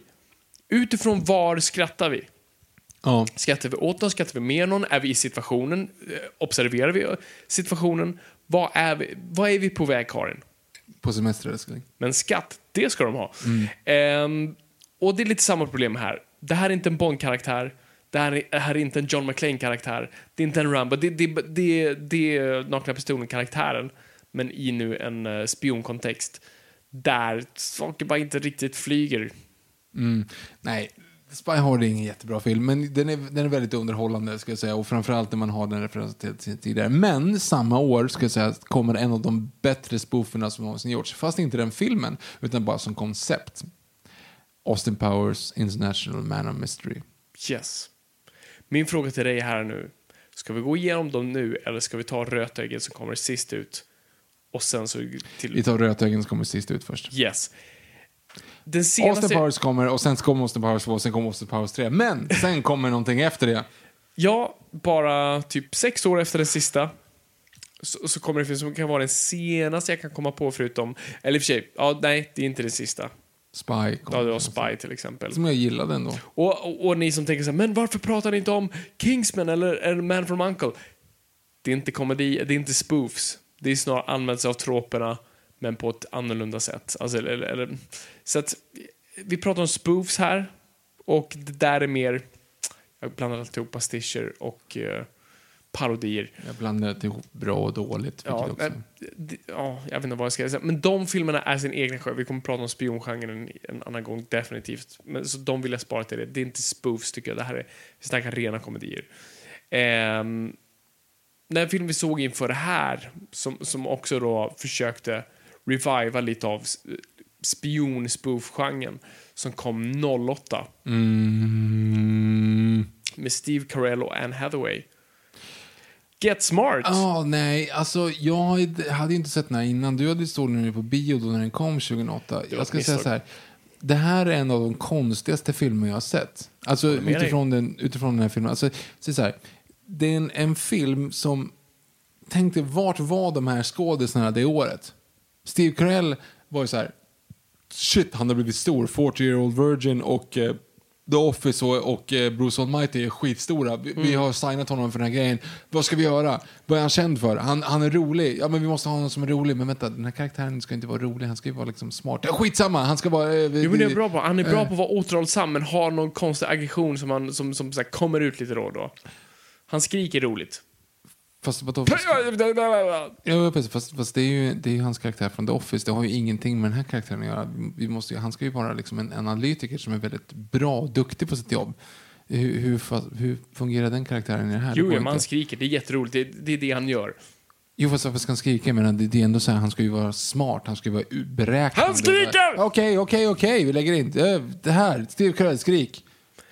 Ja, det är Ehm, är det är det som är ganska kul med det här. För jag satt och tänkte det också nu när, nu när vi såg den filmen. Så här, vad är incitamenten för skådisarna vara med? Och inget är ädelt. Men sen så, så här, vad är Steve Carell? Okej, så han har, han har typ gjort 4 year old virgin. Han är framförallt stor från The Office. Han vill fortfarande breaka in i, i, i någon film. Så det här är ju liksom en paid gig. Liksom. Här, här kan jag stara i, mi- i, mi- så här, en stor huvudroll. Där jag bär verkligen en film. Eh, så du har det. Du har Anne Hathaway, så kommer lite från En prinsessas dagbok-grejerna och ja, jag har eh, jävla bra prata. Det är typ samma år eller kanske... Och, Det är där någonstans. det är där någonstans. Och och hon är antingen då liksom den här good girl och independent-bruden. Så det, man märker att hon vill bryta ifrån det. Man, man ser verkligen hur agenten har petat i manuset för att säga, nej men hon måste göra det här, hon måste göra det, hon måste göra Hon det. måste vara cool, hon måste hoppa, hoppa fallskärm. Precis. skjuta Du måste se henne i underkläder i en millisekund. Ehm, sen har Du- Dwayne The Rock Johnson, Som kommer direkt från wrestling. som kommer direkt från wrestling. Och Scorpion King som bara så här, åh gud, vi måste se till att han kan prata engelska också. Precis. Så här är ju en, en person som vill så här, breaka inom bara mediet överlag. Det här är innan han blir den mest, alltså decennierna han blir Hollywoods mest högt betalda skådis. Eh, sett Rampage eller, eller Skyskrapan brinner 3 eller eh, Fast and the Furious eh, nej. 84? Nej, jag har inte sett någon av dem heller. Nej, inte jag heller. Mm. Eh, och det är det här som är så intressant. Tillbaka till det vi har pratat om tidigare, så här, finns det stjärnor och, och kan de bära filmer? Men du och jag är inte representativa för hela världen tyvärr. För att de tjänar hur mycket pengar som helst på Bumblebee. Liksom. Eh, va? De kommer ju tjäna hur mycket pengar som helst på Bumblebee, på Transformers. Vem, vem kommer göra det menar du? Transform ja, men alltså, det räcker ju bara att sätta Transformers-märket så går folk och tittar på det på bio. Jo, jo, men det är ju det, precis, men eh, proving my point. Att vi pratar nu om franchises, inte Ja. individer. Ja, mm, fast hur är gick det. för Rampage då? Inte så bra. Det gick okej för var det men framförallt gick eh, Skyscraper Jaha, inte så bra. Jaha, tråkigt. Jumanji gick skitbra. Just Jumanji också. Han gjorde alltså fyra filmer typ. Ja, inom loppet av ett halvår. Ja. Eh, det gick pissbra. Och liksom en, en, en eh, uppföljare redan eh, greenlit och kommer köras ut. Och det är där man tänker, okej, så nu har så Jumanji kom och man tänker, nu, nu är det ju liksom, det här är ju hur stort som helst, han är ju det största som finns. Och så kommer Skyscraper, som är framförallt då original. Ja, Han bär brinner. hela, det är ju inte ett originalt koncept, men det är en originalfilm, originalmanus.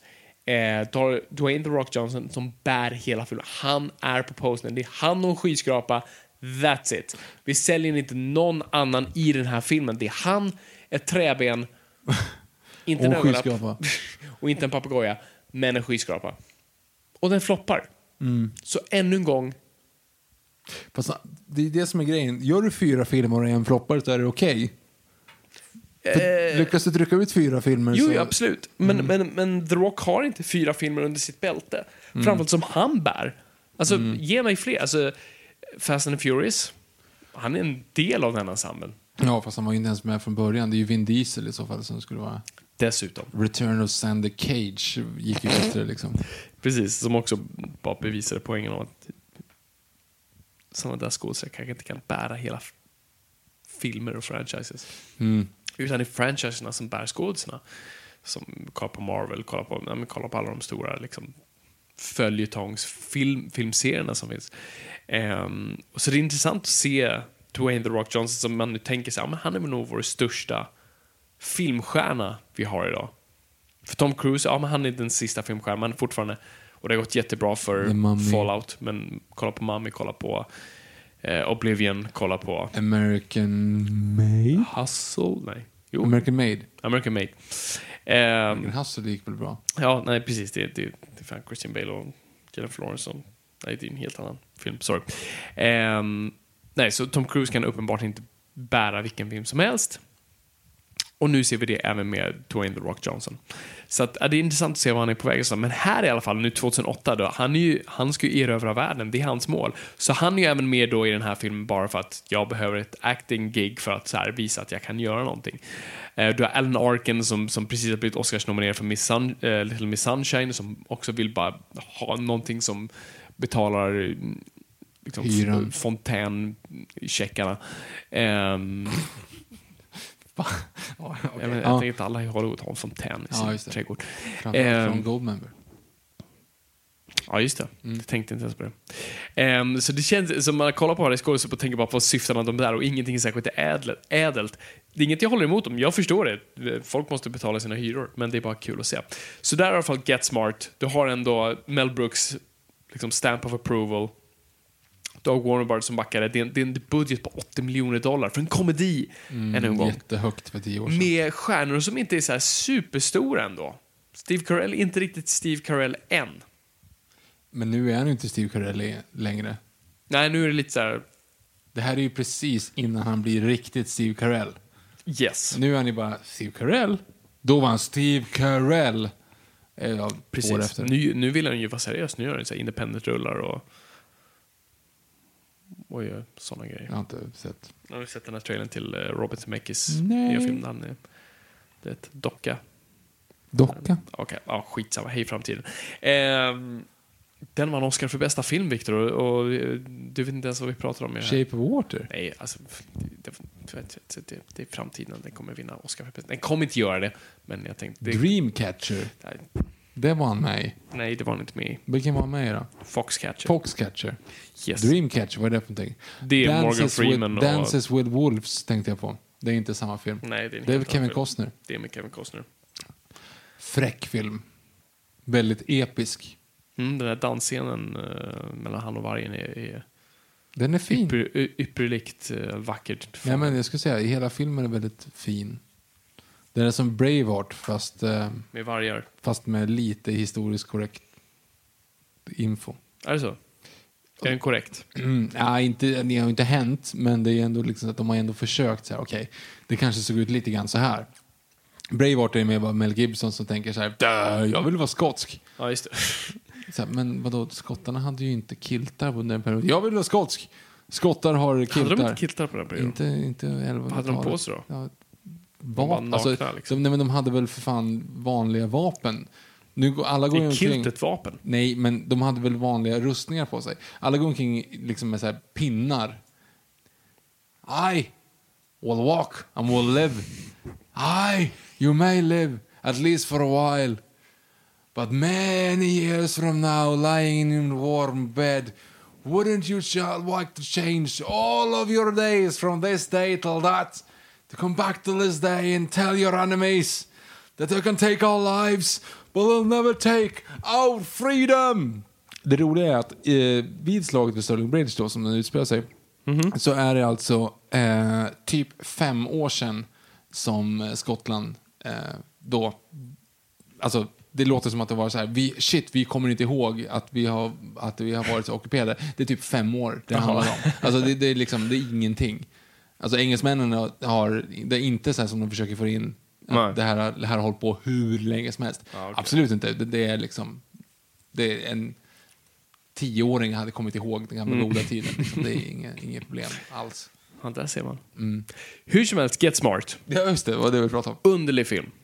Jag kommer ihåg att jag såg den på bio. Ändå välvillig. 2008, så jag är 18 år. Jag är taggad på sin komedi. Stort Mel Brooks-fan. Tänker, men det här är bra. Anne Hathaway, alltid kul. Eller kul, alltid, alltid trevligt. Ehm, och jag ser den och, och, och, och, inser att jag, jag skrattar inte, nummer ett. Jag är inte särskilt roligt. Och, och det är inte som att så här, filmen är tråkig. Det är inte som att den är dålig. Det är inte så här, oj shit, det här är... Så här, skämten slår fel. Utan det är så här, det är inga skämt. Nej, men den vet inte vad den ville vara. Nej, det är ju det. Än en gång, perspektivet är ju fel. Varför ser jag på en spionfilm utifrån det här perspektivet? Vad är Steve Carell för någonting? Är han en James Bond-karaktär? Nej. Är han en person... Eh, är han eh, Fisher och Wargate? Mm, nej, inte riktigt heller. Uh, är det första dagen på jobbet? Ja, men nej. Han är bäst. Han är jätteduktig, men alltså han är asduktig spion. Men när han går igenom typ så här ett sånt här som man har på husvagnssemestrar, det, det är snören och så hänger en massa eh, pärlor i det som hänger för så att inte flugorna ska komma in. Han Ja. öppnar ett sånt och så ramlar alla pärlor ner så att det kommer pärlor överallt. Precis. Och inte för så att han var klantig, Nej, nej, för så, han- nej, det var bara det att bara han hade lite otur att det var fel på dem. Mm. Så att han, han gör en min när de pärlorna ramlar ner. Precis. Okej, var, var det kul eller var det tråkigt? Han ska ta, ta sig igenom laserdetektor mm, rum med massa laser. Som entrapment och Ja, Catherine exakt. Zeta-Jones. Precis. Eh, som det ska vara. Och eh, han gör det skitbra. Vi skrattar åt att han inte kommer kunna klara men han gör det skitbra. Tills det visar sig att en råtta är i hans kostym. Ja, och då gör han det fortfarande bra, men han bränner sig lite grann. Precis. Så vad, än en gång, vad är perspektivet? Nej, jag någonstans? vet inte. Va- Varför tittar vi på det? Det är en jättekonstig film. Den är två timmar lång, vilket är på tok för mycket. Och tredje akten är som vilken actionfilm som helst, men så, den, den har ingen humor, den har ingen spänning, det, det fungerar inte alls. Det är en sån konstig film. Och ännu en gång, det är inte som att säga, åh shit, jag förstår vad de försökte göra, det här, det här skämtet var bara inte roligt. Utan det, där, det är knappt skämt i den. Nej, det är inte roligt alls. Det är inte roligt alls. Nej, det är väldigt speciellt. Ja, det är skit. Jag, jag kommer ihåg att jag skrattade en gång, nu när jag såg om den, och jag ångrar att jag gjorde det. Så, så, för, jag, för, jag kom på, för jag kom ihåg när jag såg så att det var någonstans jag skrattade. Vad fan var det någonstans? Och så tänkte jag så här, var är det, var är det, var är det? Och sen i tredje akten så såg jag vad det var någonstans. Kan, kan du tänka dig vad jag åt? Nej, nej, absolut inte. Det är när de frågar, för han kom till en viss plats under väldigt kort tid. Så how did you get here?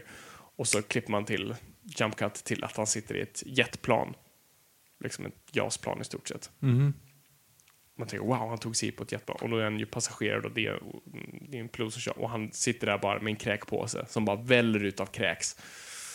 Som redan Nej, sagt. jag, jag tyckte inte det Och var det, så det, roligt. det tyckte jag var roligt då. Jag tyckte och jag tyckte det var lite roligt nu. Men eh, Nej, inte lika roligt det som var då. så Kul. Det var enda gången jag skrattade.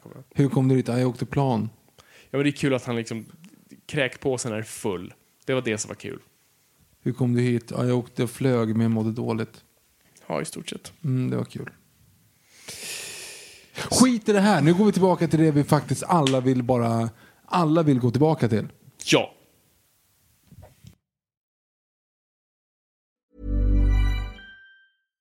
If you're looking for plump lips that last, you need to know about Juvederm lip fillers. With Juvederm Volbella XC and Juvederm Ultra XC, your lip look, whether it's subtle or bold, can last up to one full year with optimal treatment and no additional maintenance. Find a licensed specialist and see if it's right for you at juvederm.com today. That's J U V E D E R M.com. Add fullness to lips in adults over 21 with Juvederm Volbella XC or Juvederm Ultra XC. Do not use if you have severe allergies or a history of severe allergic reactions, or if you're allergic to lidocaine or the proteins used in Juvederm. Tell your doctor if you have a history of scarring or taking medicines that decrease the body's immune response or that can prolong bleeding. Common side effects include injection site redness, swelling, pain, tenderness, firmness, lumps, bumps, bruising, discoloration, or itching. As with all fillers, there's a rare risk of unintentional injection into a blood vessel, which can cause vision abnormalities, blindness, stroke, temporary scabs, or scarring. For full important safety information, visit juvederm.com.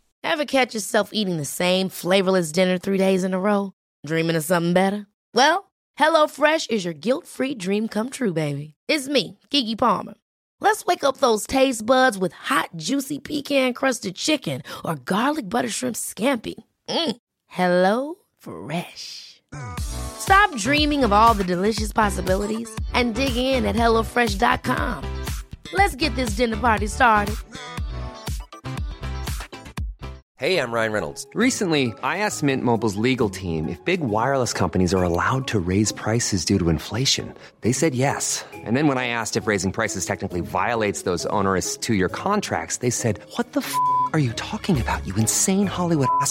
F- So to recap, we're cutting the price of Mint Unlimited from $30 a month to just $15 a month. Give it a try at mintmobile.com slash switch. $45 upfront for three months plus taxes and fees. Promo rate for new customers for limited time. Unlimited more than 40 gigabytes per month. Slows. Full terms at mintmobile.com.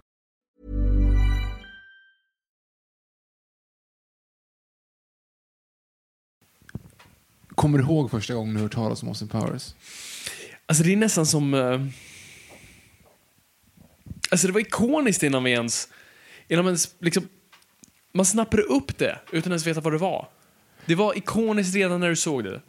Ja, men det är sak. Alltså, Som sagt, jag sa ju det tidigare i, här, i det här avsnittet att jag fick reda på via Star Wars Episod 1. Jag såg den trailern och så, så här, och så sa farsan det här är en rolig gubbe och sen var det jätteroligt. Alltså oavsett Ja. vad, vad du än skulle se efteråt så var det här, det här ska vara helt fantastiskt. Liksom. Ja. För att vara inställd på det. Eh, för det, det kritiska tänkandet har man som nioåring.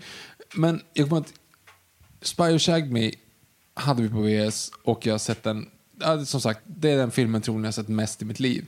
Och ju mer jag tänker på det, desto värre blir det. Alltså, nu när man ser om de här filmerna så har man inte kritiska tänkandet. Alltså, jag, jag kan liksom inte se det här, jag kan inte se det här för, för hur bra filmerna är idag.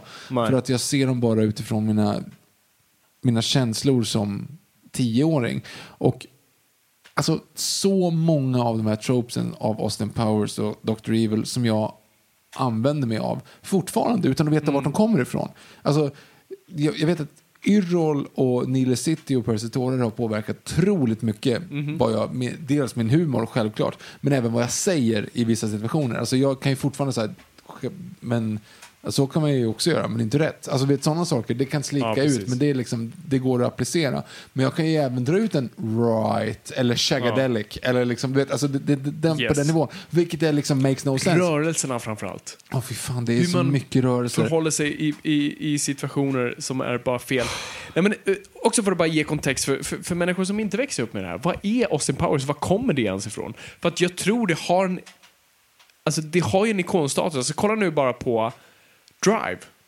Baby Driver, förlåt. Jaha, jag tänkte drive. Drive, precis, nej, förlåt, Baby Driver. Ehm, där har du ju ett Austin Power, bara så här, alla fattar vad det är för någonting. Du förstår skämtet av att när de ska ha skaffat masker, Ja. Mike, Michael Myers Ja. masker, så har de skaffat Austin Powers masker, för det är Mike Myers. ja, det är kul. Och alla fattar vad det är för någonting. Mm, För du ja, nej. Ja, ja. Och det menar, ju- det, här är ju, alltså, det här är ju samma år som Night at Roxbury. Alltså, det är ju fortfarande det är ju samma... Det är ju ett skämt utifrån... Eh, alltså, Saturday Night Live är ju... Mike Myers kommer från Saturday Night Live. Precis. Vilket också Wayne's World, som den filmen var egentligen tidigare som han gjorde i det här. Yes. Eh, och även Night at Roxbury och Will Ferrell är ju också en, en Saturday Night Live spin-off. Liksom. Eh, och det här är ju också det. Ja, Men ingen kommer ihåg Night at Roxbury. Nej, alltså, och, och, och, och sanning med modifikation. Det är ju inte... Austin Powers är ingen Nej, SNL-karaktär. nej, okej, nej, nej, men, jag, men, jag är rätt ja. det, men bara för, så, Skådisarna. så, så att folk fattar. Så Mike Myers vid det här laget är liksom... Jag, jag kan inte dra en, men lite som Will Ferrell var för tio år sedan. Nej, men alltså, Will Ferrell är fortfarande stor, men alltså, förstår, alltså, när du har den här superhypen då, då liksom, du kunde sätta honom på vilken film som helst och det funkade. Och lite så var Mike Myers. Han var den populäraste medlemmen på, på Saturday Night Live. Så där vi snackar, snackar 90-tal nu. Det är som Kristin Meltzer i Partajgänget för er som ska översätta till svenska. Ja. Precis. Och um, det regnar, det är det som låter. Ehm, och han hade gjort framförallt Wayne, Wayne's World 1 och 2, som också var jättestora filmer. Och hade slagit riktigt, riktigt hårt. Och han hade lite ändå kreativ, kreativt kapital. Och eh, 1991 så hade hans pappa dött. Och han hade en, eh, en, en väldigt... eh, Relationen till hans pappa var väldigt viktig för honom. Och var framförallt, han är ju halvbritt. Han är ju uppvuxen i Kanada eh, till en kanadensare och en britt. Så han är ju halvbritt. Och det är därför hans accent sitter faktiskt väldigt bra. Visst, det är en parodi på det, men den sitter bra. Eh, och hans pappa hade introducerat honom för alla, all brittisk kultur. Alltså James Bond, Peter Sellers, Monty Python, alltså alla de här bitarna, Beatles. Och eh, det var någonting han ville hylla sin far med. Och där föddes på något vis en, karaktär som på något sätt är en James Bond-aktig karaktär. Men du har ju också du har lite Michael Caine-bitar från eh, Carter-filmerna och eh, Peter Sellers och, och Bond och självklart. Och du har även eh, Blow Up och du har eh, Billmania och du har alla de här bitarna som på något sätt blir en mismatch, eller bara en stor mix som blir Austin Powers. Och det, det är en film som, som, som han skriver själv, eh, ge- ger till en polare, eh, som, som, som oh, nu har jag glömt bort regissören som, som, som regisserat alla tre, som inte gjort någonting. Eh, fan, förlåt. Ja, skitsamma. Skitsamma. Vi kan podda utan Google. Vi kan podda utan Google. Och eh, New Line Cinema är de som väljer, för du, du har Mike DeLuca, som är en väldigt viktig producent faktiskt i Hollywood, i modern Hollywood-historia, som, som är väldigt känd för att så här, plocka på lite udda projekt som faktiskt ibland funkar väldigt bra. Eh, och han är fortfarande aktiv. Och Mike DeLuca bara känner ju så här, fan jag vill satsa på den här killen, det här manuset funkar, jag förstår vad det är han vill göra och jag vill bara se vad det är för någonting. Men de får, de får en budget på 16 miljoner dollar och bara inte ett öre över får ni gå, då stänger vi hela produktionen. Och de gör då den här Bond-spoofen kan man egentligen kalla det. Det användes av Bond-troperna men, men fortfarande sin egna grej. Och det är det jag tror är styrkan med den här grejen. För att, alltså, om man jämför för, som Spy Hard som kom samma år, alltså här ser vi hur du gör någonting rätt och hur du gör någonting fel. Och det är ännu en gång med perspektiv. Perspektivet är, vad hade hänt om Bond, Sean Connery Bond hade hamnat där, här idag? Alltså 1999, eller 97. 97. 97. Eh, men ändå, vi gör inte, vi har inte ett, ett pastisch på Bond-temat med, med liksom en, en, en gitarr som, som låter Bond-eskt, Monty Norman-temat, utan vi kör, vi, vi, vi tar eh, Quincy Jones, en, Quincy, en obskyr Quincy Jones-låt som heter Bossa Nova, vad fan heter den? Jag vet inte. Ja, skitsamma. Precis, alltså som, som man nu, precis, som man nu bara kopplar till det, ja men det är väl Austin Powers-temat. Bara, ja, jo absolut, men, det, men det, det, det gjordes liksom innan. Jo, Soul Bossa Nova heter det tror jag. Ja, jo, det- Soul Bossa jag Nova. visste inte. Eh, Quincy Jones. Han får en hyllning i trean då. Quincy Jones som du för övrigt har träffat. Ja, det har jag gjort. Vilket jag bara så här, varför ringde du inte dit mig? Nej, jag skulle ha gjort det. och bara så här, hej, jag sitter här med Quincy Jones på en uteservering. Vill du komma hit och bara säga hej och skaka hand med en gud? Ja, jag, det var mer så här, hej, jag har suttit med Quincy Jones på en uteservering i en och en halv timme. Här har du en bild. Ja, precis. Och det var din fru med honom. Och det var så här, jag kunde varit din fru. Eller inte din fru, men jag kunde varit, Det hade du också kunnat vara visserligen sist. jag är din poddfru. Ja. Ehm, ja, hur som helst. Så, så, så man tar inte ett Bond-tema och bara gör så ja, vi gör, vi gör en gitarrversion av Bond-temat, utan du tar den helt egna grejen. Och så Power ser inte ut som Bond. Inte ens närheten, men vi tar ja, lite som in i Mercy Secret Service. just lite hur du har hela det här liksom Krås. kråsskjortig grejen, men det är fortfarande långt, långt ifrån. Du har Beatles boots och du har, och du har glasögon och du har tänderna, och så det han ser mer ut som en sån här britt, en random britt. Men, men du har sexualdriften och spionaspekten men sen, sen ingenting annat. Eh, och du leker framför konceptet. Hur skulle det se ut med en person? Alltså, 60-talet är ju, är ju alltså sent 60-tal är ju en unik plats i den mänskliga historien. Där, där liksom frihet blir kulturen. Och där frihet dras till sig, alltså det är ju det, det, är ju det som är hela skämtet. Liksom så här, när de säger så här, du är 1999, liksom, du, kommer du klara dig bra? Han säger, ja absolut, så länge vi har oskyddat oändligt med sex och vad fan han säger? Ja, men så här, vi, vi ligger med allt och alla, mer eller mindre, det han säger liksom. Ja, och tar precis. jättemycket droger. Ja, ta Någonting jättemycket så. droger, inga konsekvenstänk, så kommer jag klara mig alldeles utmärkt. och, och det är som bra kontrast till då den världen. Och, och det är därför den här filmen faktiskt funkar idag. Absolut, det är ju lite så här, ja, 90-talet har sina uh, utdaterade punkter, men, men det, så här, det är inte en film du kan anklaga sig, ja det är sexistiskt idag. Ja, men det var den då också. Alltså, det är Ja, det som är poängen. som meningen. Ja. Exakt. Och eh, men det är därför jag tycker den filmen framförallt funkar, för att perspektivet är rätt. Och då också, ja, Dr. Evil, ja det är Blowfelt-ikonografin där någonstans. Han har... Han ser ut som honom. Han ser ut som honom, du har ärret, du har katten, du har hela biten, men han pratar inte som honom, han låter inte så. Karaktären är inte alls som Det roliga är ju att eh, han, rösten är inspirerad av Lorne Michaels, som är den här ökända, ikoniska då, SNL skaparen och producenten. Lorne Michaels har varit producent. Jag vet inte vem det är. Han, han, han var med och startade SNL och är fortfarande producent på det och styr i stort sett NBC, Mm. alltså, st- alltså eh, Late Night och... Um, jo, det är Late Night. Precis. Jag vet Ja, inte. skitsamma, alla talkshow Han styr väldigt mycket över och han har producent på mm, 30 Rock och jag tror även på Parks and Rec. Eh, han har, alla SNL-grejer har han haft ett vakande öga på. Förutom, och, sen, bara- och det roliga tydligen det här lillfingret vid munnen som Dr. Kommer från Lorne Michaels. Jag vet inte exakt om han gjorde exakt det eller någonting, men tydligen efter filmen så slutade han göra det. Ehm, om, jag tror Mark Myers har fått en del skit för, för, för alla har, det är ganska kul, för de flesta som har jobbat för Lorne Michaels har sin imitation och kollar du på en talkshow med en SNL-medlem så gör de ofta sin egen Lorne Michaels imitation och det, det låter som Dr. Evil, vilket är roligt och det är kul att han använder det till Dr. Evil. Ehm, så, men tillbaka till det just att han, han försöker inte låta som Donald Pleasence utan han tar andra grejer men använder sig av ikonografi men gör någonting helt annat med det. Och, eh, och, och samma sak där, liksom, hur skulle en superskurk från då, från de gamla filmerna, fungera idag? One million One dollars. million dollars. Och det, ja, alltså, och det är ett skämt som är liksom, det är att sparka på en död häst och, och vi har hört det tusen gånger, men just bara att det är ett fantastiskt bra skämt. Mm, det är jätteroligt. Det, jag håller med. Så Vi snor en atombomb och ska hålla världen uh, till Island för en miljon dollar. Precis. Eh, första filmen, ska jag säga så här, efter att ha sett om den nu, eh, jag hade inget kritiskt tänkande som tioåring, efter att ha sett om den nu så tänkte jag så här, första filmen är ganska slow, alltså den är ganska seg i sina skämt. Den har sina stunder, men skämten kommer ganska sent. Alltså, eller far between liksom.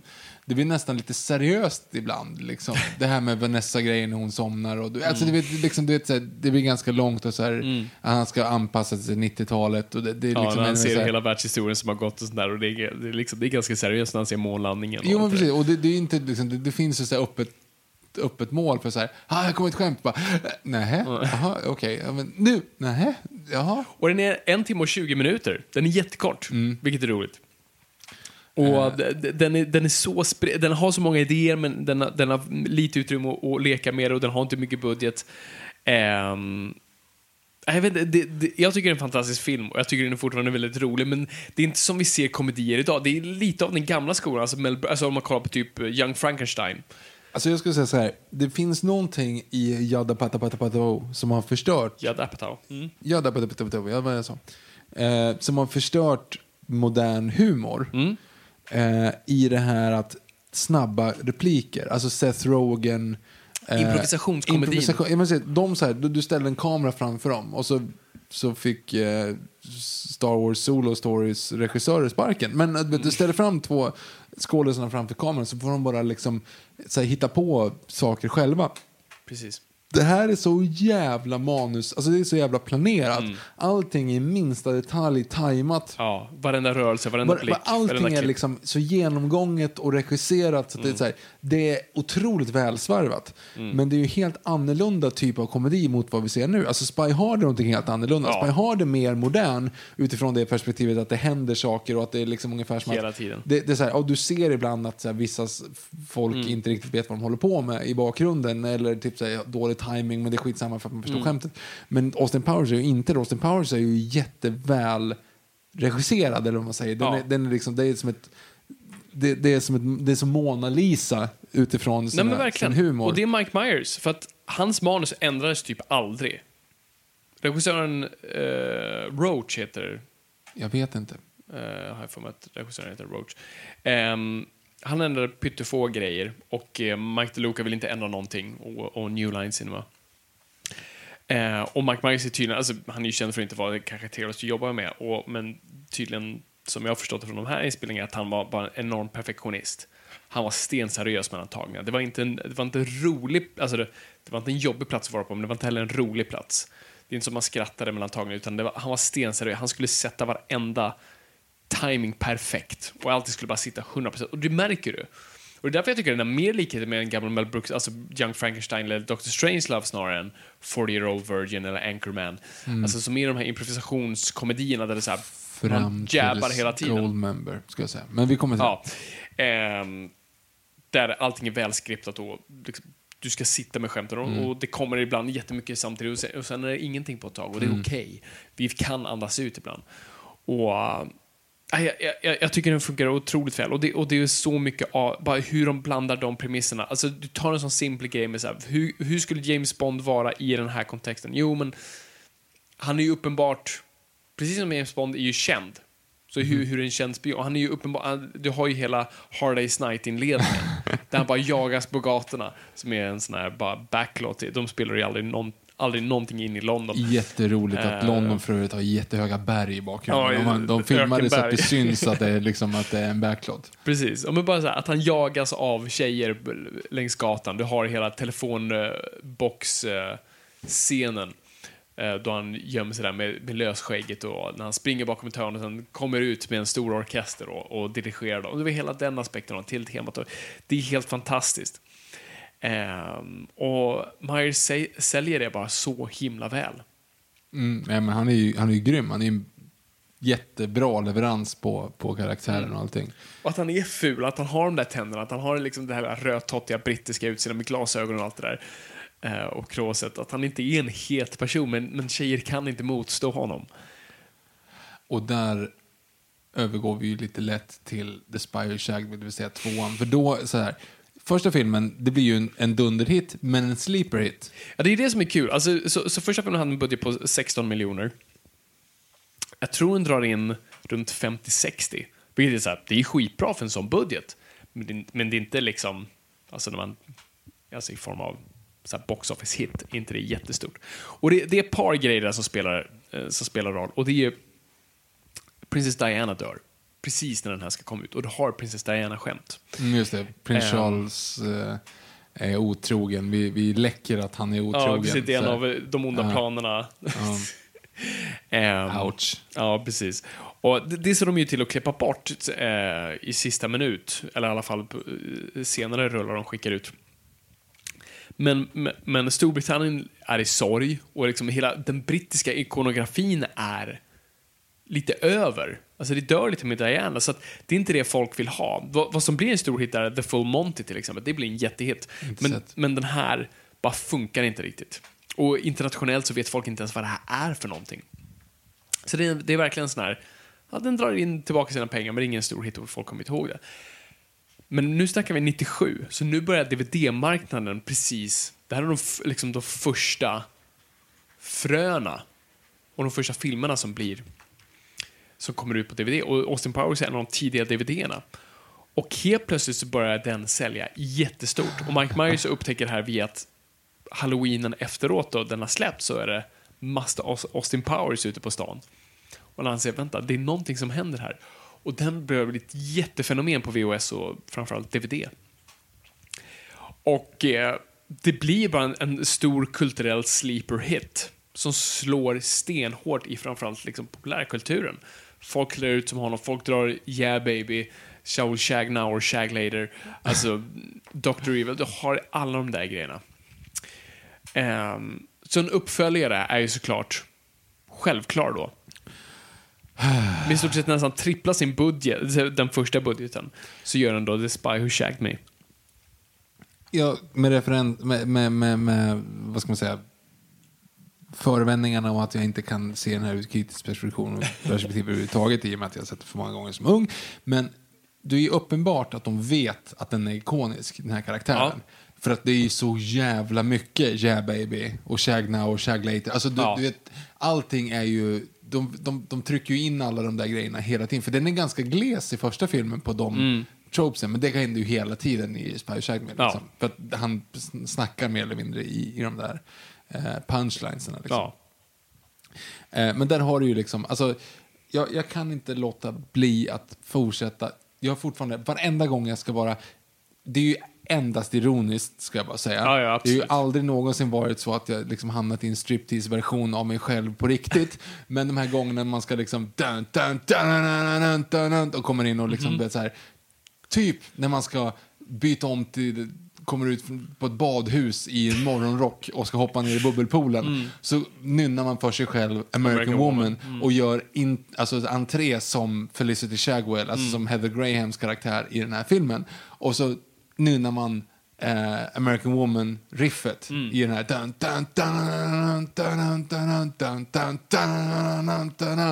Och så gör man, ja, så gör man de liksom movesen hon gör. Mm. Och jag kan inte låta bli. Jag gör det jämt. Jag gör mm. det jätteofta. Mer än vad jag trodde liksom. Och jag inser att nej, det är ju härifrån allting kommer. Jo, men också bara det här liksom, kattbeteendet när han först ser Ja, henne. men, då. och det, det sa, alltså, min, min dansstil, den jag nu har, det är Austin Powers. 50% av alla mina moves är Austin Powers moves. Och jag inser det nu.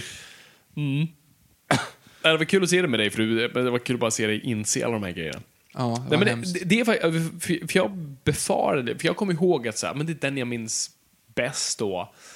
Jag kommer ihåg som väldigt bra och kul, men det är såhär, ah, men det måste bara varit för att man såg den när man var den åldern och det måste varit kul då. Så jag, jag tänkte så här, ah, men det här är en uppföljare på 90-talet, det kan inte vara bra. Och så nu när vi såg om den, och jag, jag kanske inte är, kommer från rätt kritiskt håll, men jag tyckte det här var en bättre film än första. Den var roligare, den hade mer grejer. Och vad jag tyckte framförallt om den uh, var att man faktiskt det är Spiderman 2. för den, vet, ja, precis, för, den vet att den är ikonisk. Och vi pratar ibland om så filmer som behandlar sig själva som att det har redan varit en franchise och den redan börjar så här, plocka isär sig själv. Och så här, det är för tidigt, vi, vi vet inte ens de här grejerna. Alltså lite så här... eh, det är en rätt kul replik i Dr. No. Eh, fan, world domination, the same old plot. Alltså som... Uh, alltså, så, ah, vänta, ah, är det här en grej? Eh, the same old dream, säger han. Just det. Men här förstår filmen att den är ikonisk direkt. Så den måste nummer ett först överraska oss. Så det den gör är att göra Vanessa till en Fembot. fembot. Jättebra. Och eh, ex- eh, exposition säger Hello Austin, how's your honeymoon? Well, it was alright, but it turned out Vanessa was a fembot. Yeah, we knew that all along actually. Anyway, eh, och så börjar vi fortsätta med någonting annat. Det, det är så här, för James Bond så ser du ju liksom, du ser ju aldrig att, att eh, huvud... Nej, bruden är ju borta. försvinner ju bara. Det är ju bara Trench. Ja. Ja, men hon försvinner ju till, till filmen efteråt. Ja, hon är med i filmen efteråt. Och sen, Jo, ja, Silver Trench ja, men, men alla andra Mm. försvinner ju bara. Och så är det någonting nytt. Och här är ju samma sak, fast de, då visar de att nej, hon var en fembot. Precis. Liksom. Och det är fantastiskt att... att ehm, men gud, nu, nu tappade jag poddminnet än en gång. Vem? Vanessa spelas av. Elizabeth Hurley. Tack. Att Elizabeth Hurley kommer tillbaka för att göra en sån simpel grej. Eh, så eh, man gör nummer ett det. Men nummer två, en annan grej man gör, och jag som precis har liksom varit med och gjort en uppföljare till en serie och gjort liknande grejer är just den här grejen att de så här, okej vad är det han har, vad kan vi göra för att så här, ändå rubba lite på det här? Men de tar hans mojo. I lost my mojo baby. Alltså, och den har man ju dragit jättemånga gånger. Ja, Eh, tyvärr. inte i de kontexterna, men, Ja, men, kanske. men eh, i övrigt. Crikey!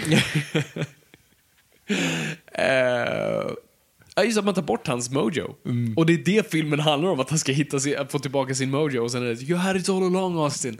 Mm. Ehm, det är en jättebra grej, för du hade bara kunnat göra så här, om vi gör samma grej igen. Det, är- det är Austin Powers, han ligger och... Mm. Men det är eh, Spider-Man är 2. Fisher och, Water, men det är inte. Spiderman 2 har ju samma För du tar honom tillbaka till 60-talet, vilket är briljant. Mm, det är jättebra. Och hela liksom, time travel-plotten, och också bara just den också. Med exposition, bara säger det, liksom titta mot kameran och... Nej, men han försöker ju, han bara säger, ja, vi ska åka tillbaka i tiden och sen så säger Austin så här, men vänta lite här, om jag åker tillbaka i tiden och jag träffade mitt, mitt själva, mitt jag, blir inte jag då Mm. nedfrusen och kommer jag tillbaka eller kommer det ett nytt jag? Och så, bara så, här, och så säger Basil Exposition och bara så här, men bry dig Fokusera inte, inte på de bry dig inte om det, ha det bara kul. Ha det bara kul, och så tittar han mot kameran. Och det föreslår jag att ni också har. Ja, här, bara för att liksom så här, hörni, skit i, skit Ja. i att tänka, ha Det här bara handlar kul. inte om att göra roliga tidsparadoxer, utan det här är bara roligt. Han Mm. får komma tillbaka nu till 60-talet, så han kommer tillbaka till 60 69 och träffar då eh, Heather Grahams karaktär. Eh, Felicity.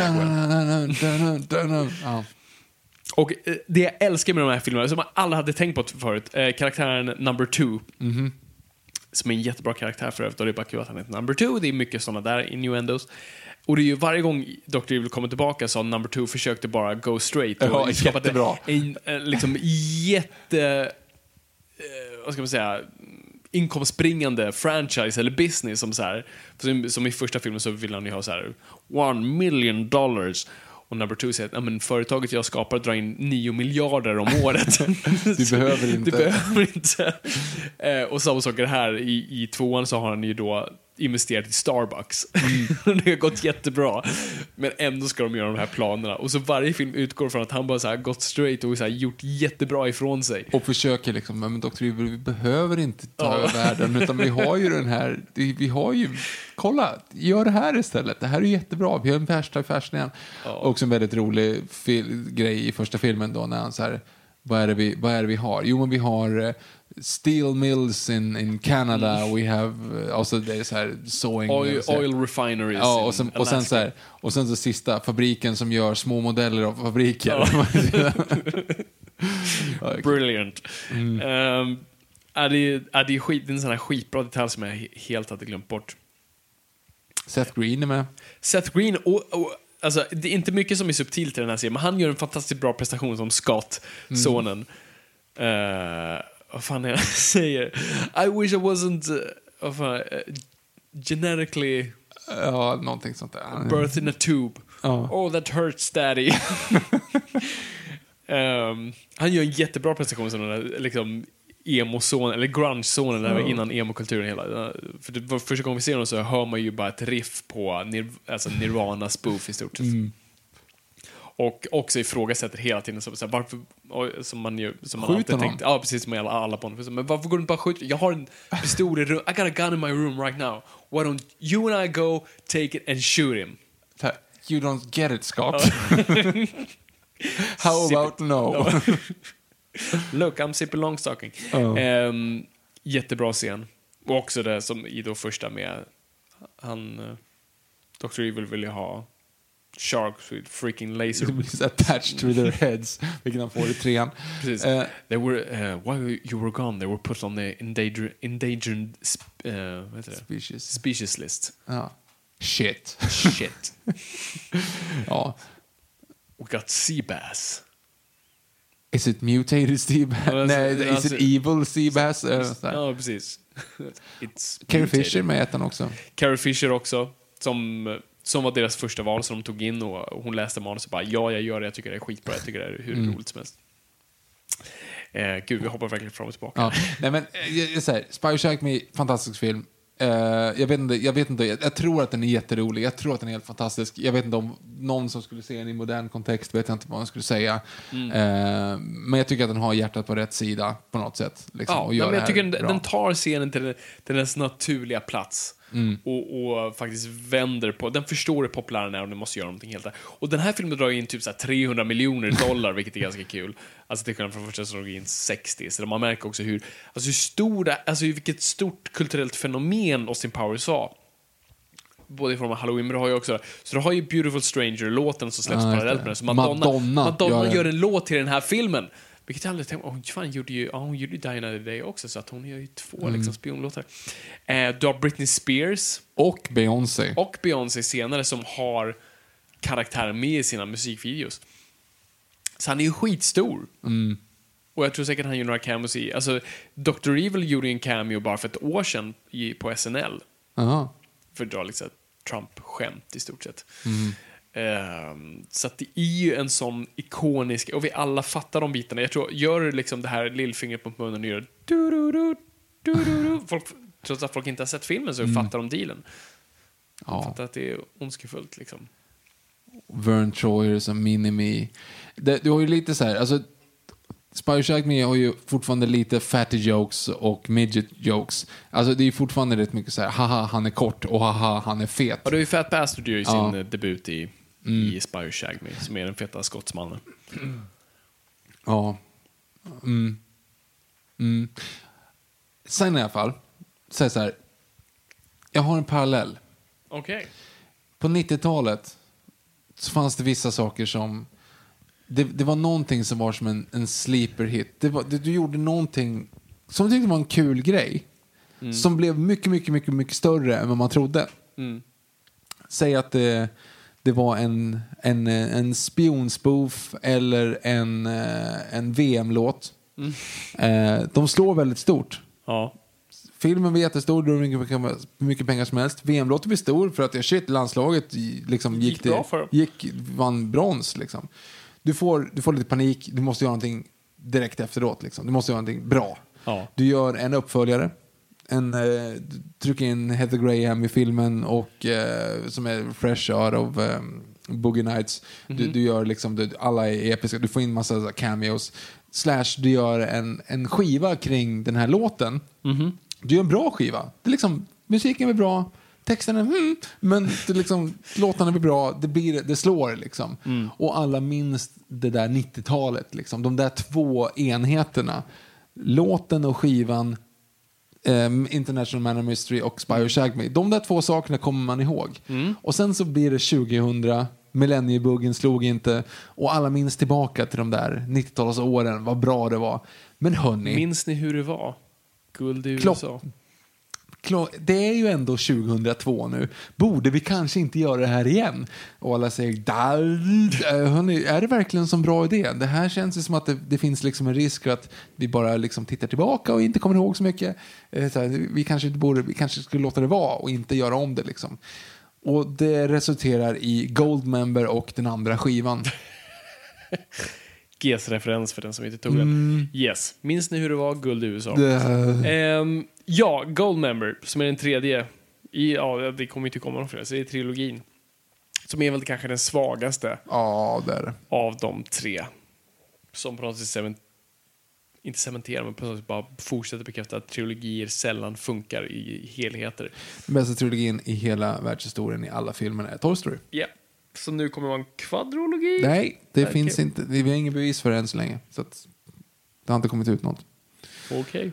Ehm, den har ju en fantastisk inledningsscen. Det är jätteroligt. Det är jätteroligt faktiskt. Yeah baby. Yeah baby. Mm. Ja, alltså Ja, du har det, ju hela... det, de, det är de, ett rejält... en det- stor actionscen som är helt over the top och Austin Powers liksom tar ner en helikopter och Mm. skjuter alla och sånt där och så visar det sig, är det... Och det är precis samma sak. Du har ett rejält riff och bara bram. Och, och sen så har du den här fiolen.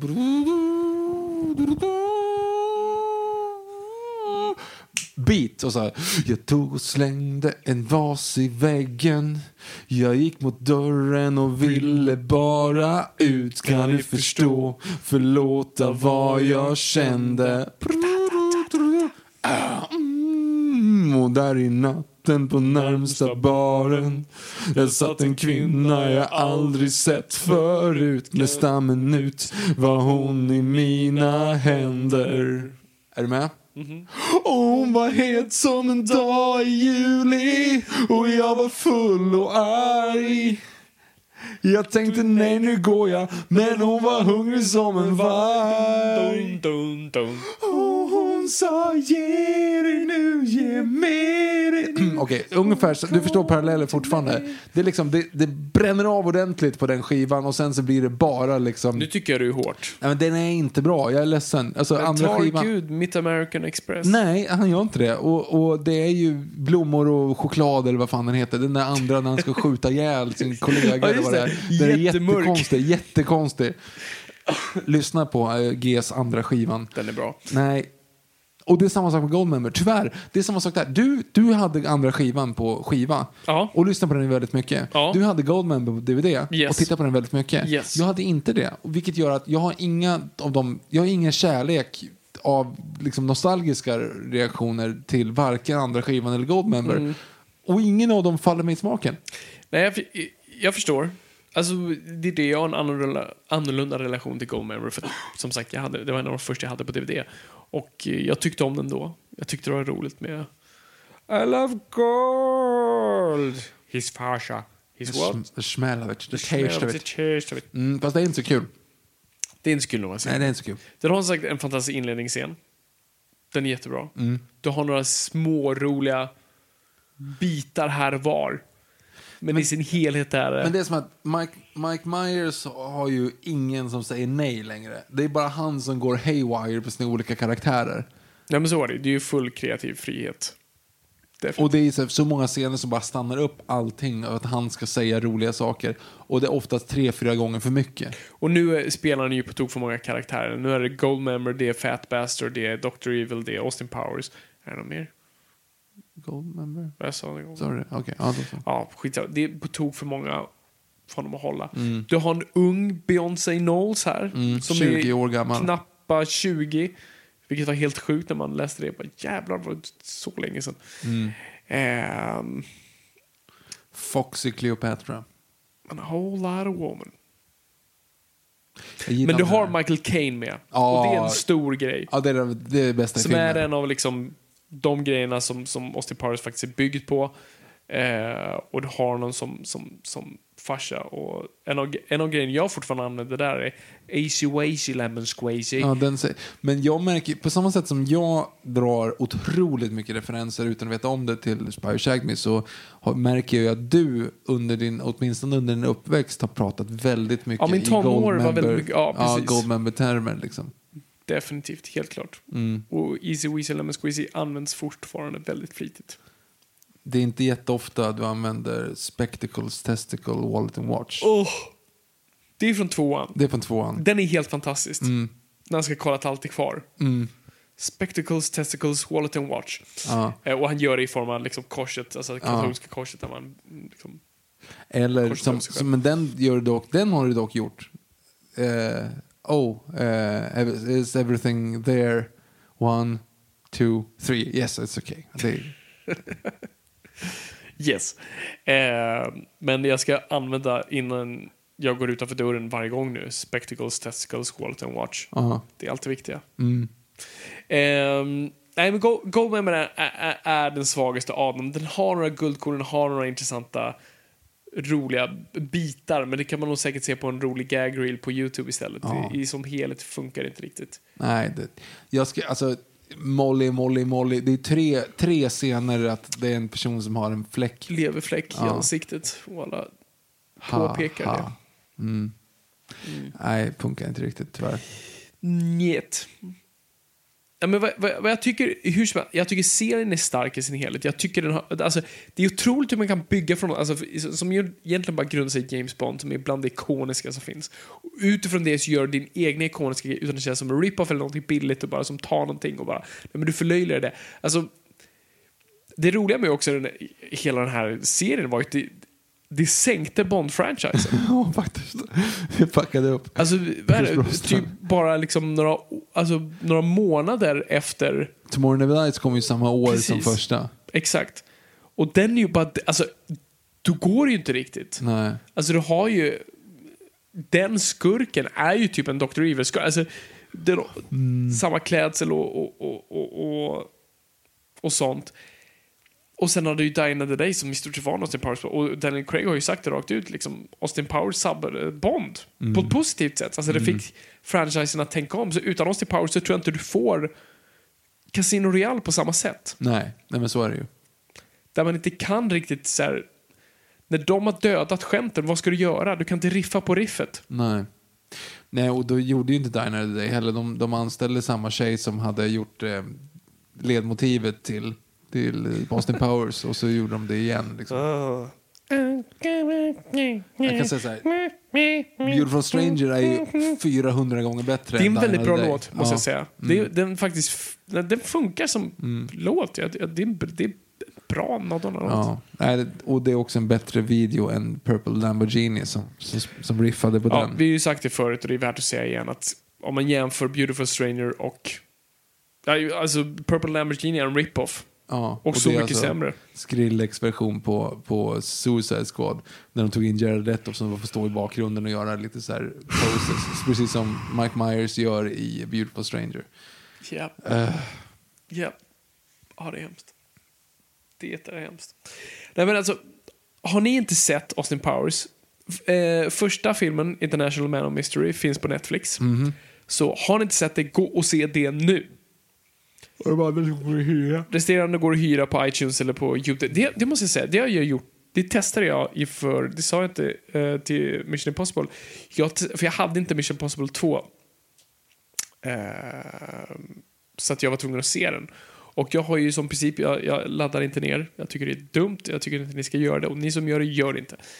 Eh, så jag har ju varit väldigt mycket, alltså, ibland när vi spelar, eller väldigt ofta, nästan inför varje avsnitt och vi måste se någonting och jag inte har det, då går jag och köper det. Då går jag till de få DVD-butiker vi har kvar, liksom second hand och försöker hitta de här grejerna eller beställa på Disco på CD-ON. Ehm, men ibland har man inte riktigt tid till det. Så jag hade panik att jag inte hade sett tvåan på ett tag och jag ville verkligen se Mission Impossible 2. Och så kom jag på, just det, varje gång man har slagit in någon film för att se något klipp eller någonting så dyker de faktiskt upp på YouTube som ett ett alternativ att se hela så länge du typ hyr eller köper. Så jag tänkte, men jag ska testa det. Så jag hyrde film på YouTube. Så jag hyrde Mission Impossible 2. Och jag måste säga, det var det enklaste, skönaste, mest bekväma sättet jag har gjort det på. Det YouTube. var hur enkelt som helst. If you're listening. ja, pay us. Ehm, ja, vi är inte betalda för det här. Det här är inte en endorsement. Jag, måste bara, jag vill bara throw it up, för jag vet inte om alla vet det. Folk vet det säkert, men jag vill bara i alla fall säga att det går och det är väldigt simpelt. Så har du ett YouTube-konto, alltså inlogg, så är det ju bara sen välj, du kan antingen då, jag tror äga eller hyra och det kostar typ 29-39 spänn.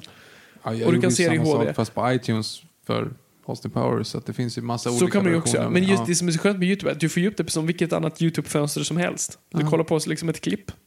Och du förstorar det i hörnet. Och du har varje 48 timmar på dig att se klart eh, filmen efter att du har hyrt den. Och det är jättebehändigt, jätteenkelt, det är su- supersimpelt, det buffrar inte och skit och det rullar på hur bra som helst. Så att eh, det, det, det är en rekommendation och de flesta filmer finns där. Mm, så, bra. kolla, så kolla då på Netflix, International Man of Mystery och sen kollar ni Spire Shag Me på och sen Gold Member. Ja, Så skippa om, om Member. ni måste så, så gör det samma där. Ja, nej men så är det. Så är det. Alltså, spion-spoofen har ju inte... Alltså, Austin Powers nästan dödade spionspoofen också. Så vad mer kan man göra efter det? Nej, du- du är som klar, alla tittar på. liksom. Alltså, det, den senaste var ju Spy. Som med, med Melissa eh, McCarthy. ja. Eh, som jag faktiskt tyckte var rätt bra. Jag tycker den var jättebra. För den ännu gång hade ett perspektiv. Den tog, vad skulle hända om Moneypenny Moneypenny skickades Moneypenny, ut. ja, Ja. för att göra någonting. Och har liksom allt emot sig. Mm. eh, det? alltså sin status, sitt utseende, alltihop. Alltså hon, att hon, hennes liksom undercover cat lady är väldigt kul. Och, eh, den har, och liksom när de mördar en person så kräks hon efteråt. På, alltså det är Mm. Ja. äckliga Jag gillade Spy jättemycket faktiskt. Ehm, Så den kan jag faktiskt också rekommendera att folk ser, för den, Mm. den var faktiskt roligare än vad man tror. Den har, den har en väldigt bra intro, introlåt. Eh, som jag faktiskt lyssnar på lite då och då. Sen så här, åh, den här hade varit en bra Bond-låt. Och du har Jude Law som spelar en slags Bond-karaktär i inledning, eller och senare också, men framförallt inledningsscenen. Man tänker så här, åh, Jude Law hade varit en bra Bond. Mm. Eh, han var ju en av alternativen innan Craig Jaha. tog det. Han, det var ju så här Colin Farrell och Jude Law. Det var ju de där Colin som, Farrell. Intressant. mm. Han gjorde Alexander istället. Men så, så att jag tror genren är lite, nu har vi The Spy Who Dumped Me och jag har sett några recensioner om säger, alltså det är skitdåligt. Och Jaha, är det så? Det är, humorn och actionsekvenserna matchas i form av dåligt utförda. Jaha. Så att det är ju lite tråkigt där. Ehm, så det ska bli intressant att se, för du har ju sen sådana som Kingsman som typ driver med, med den till spoof, så de som använder sig av troperna och gör det på sitt sätt. De tar snarare Bond, vad Bond var för 60-talet gör de nu. Så de håller lite av det här, det är lite ändå wink wink nudge nudge. Say no more, say no more. Eh, men ändå spelar det ganska straight. Ja, du hade ju Kingsman 2. Har du, svårt, har du sett Kingsman 2? Mm, Oh, inte alls gud. faktiskt. Åh fan. Ja, det, ja, det, det var länge sedan jag var så ledsen. Ehm, och Man from Uncle och allt det där. Den gillar jag. Som är ju väldigt underskattad, som jag tror kommer åldras väldigt bra faktiskt. Ehm, precis som King Arthur. Ni hörde det här först.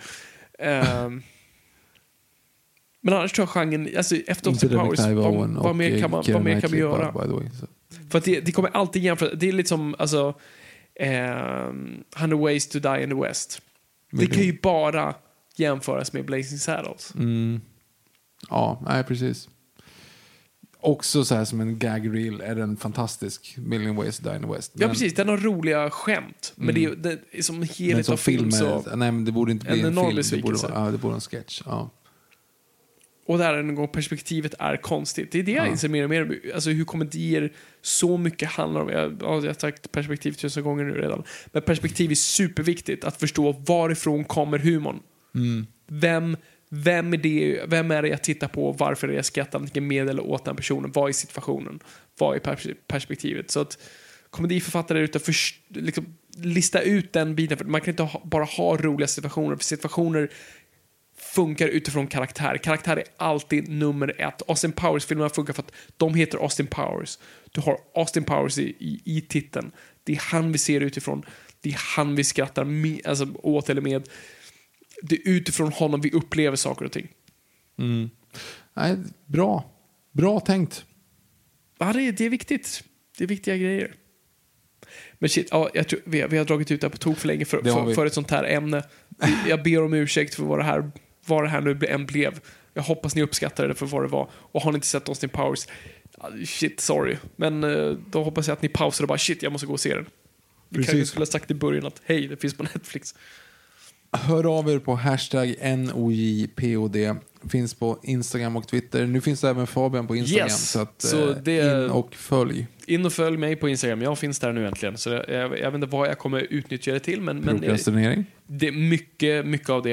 Eh, men jag ska försöka göra saker jag inte gör på Twitter så att det ändå blir, blir eh, någonting unikt där. Det finns en anledning att följa man Ja, precis. Det, det ska det vara. Så att jag ska lista ut vad, vad, vad jag gör, gör av det hela. Det blir fantastiskt. Det blir fantastiskt. Alright, ska vi bomma igen det här? Det gör vi. Tack så jättemycket för att ni har lyssnat. Det är kul att vara lyssnat, men kom ihåg åt folk, ingenting är för nördigt.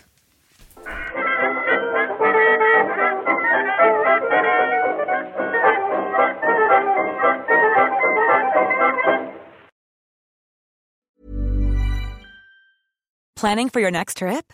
Elevate your travel style with Quince. Quince has all the jet setting essentials you'll want for your next getaway, like European linen, premium luggage options, buttery soft Italian leather bags, and so much more. And is all priced at 50 to 80% less than similar brands.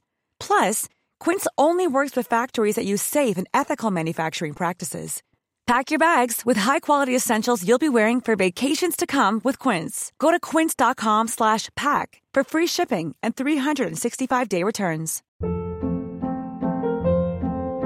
Hold up. What was that? Boring. No flavor. That was as bad as those leftovers you ate all week. Kiki Palmer here, and it's time to say hello to something fresh and guilt-free. Hello Fresh. Jazz up dinner with pecan-crusted chicken or garlic butter shrimp scampi. Now that's music to my mouth. Hello Fresh. Let's get this dinner party started. Discover all the delicious possibilities at hellofresh.com.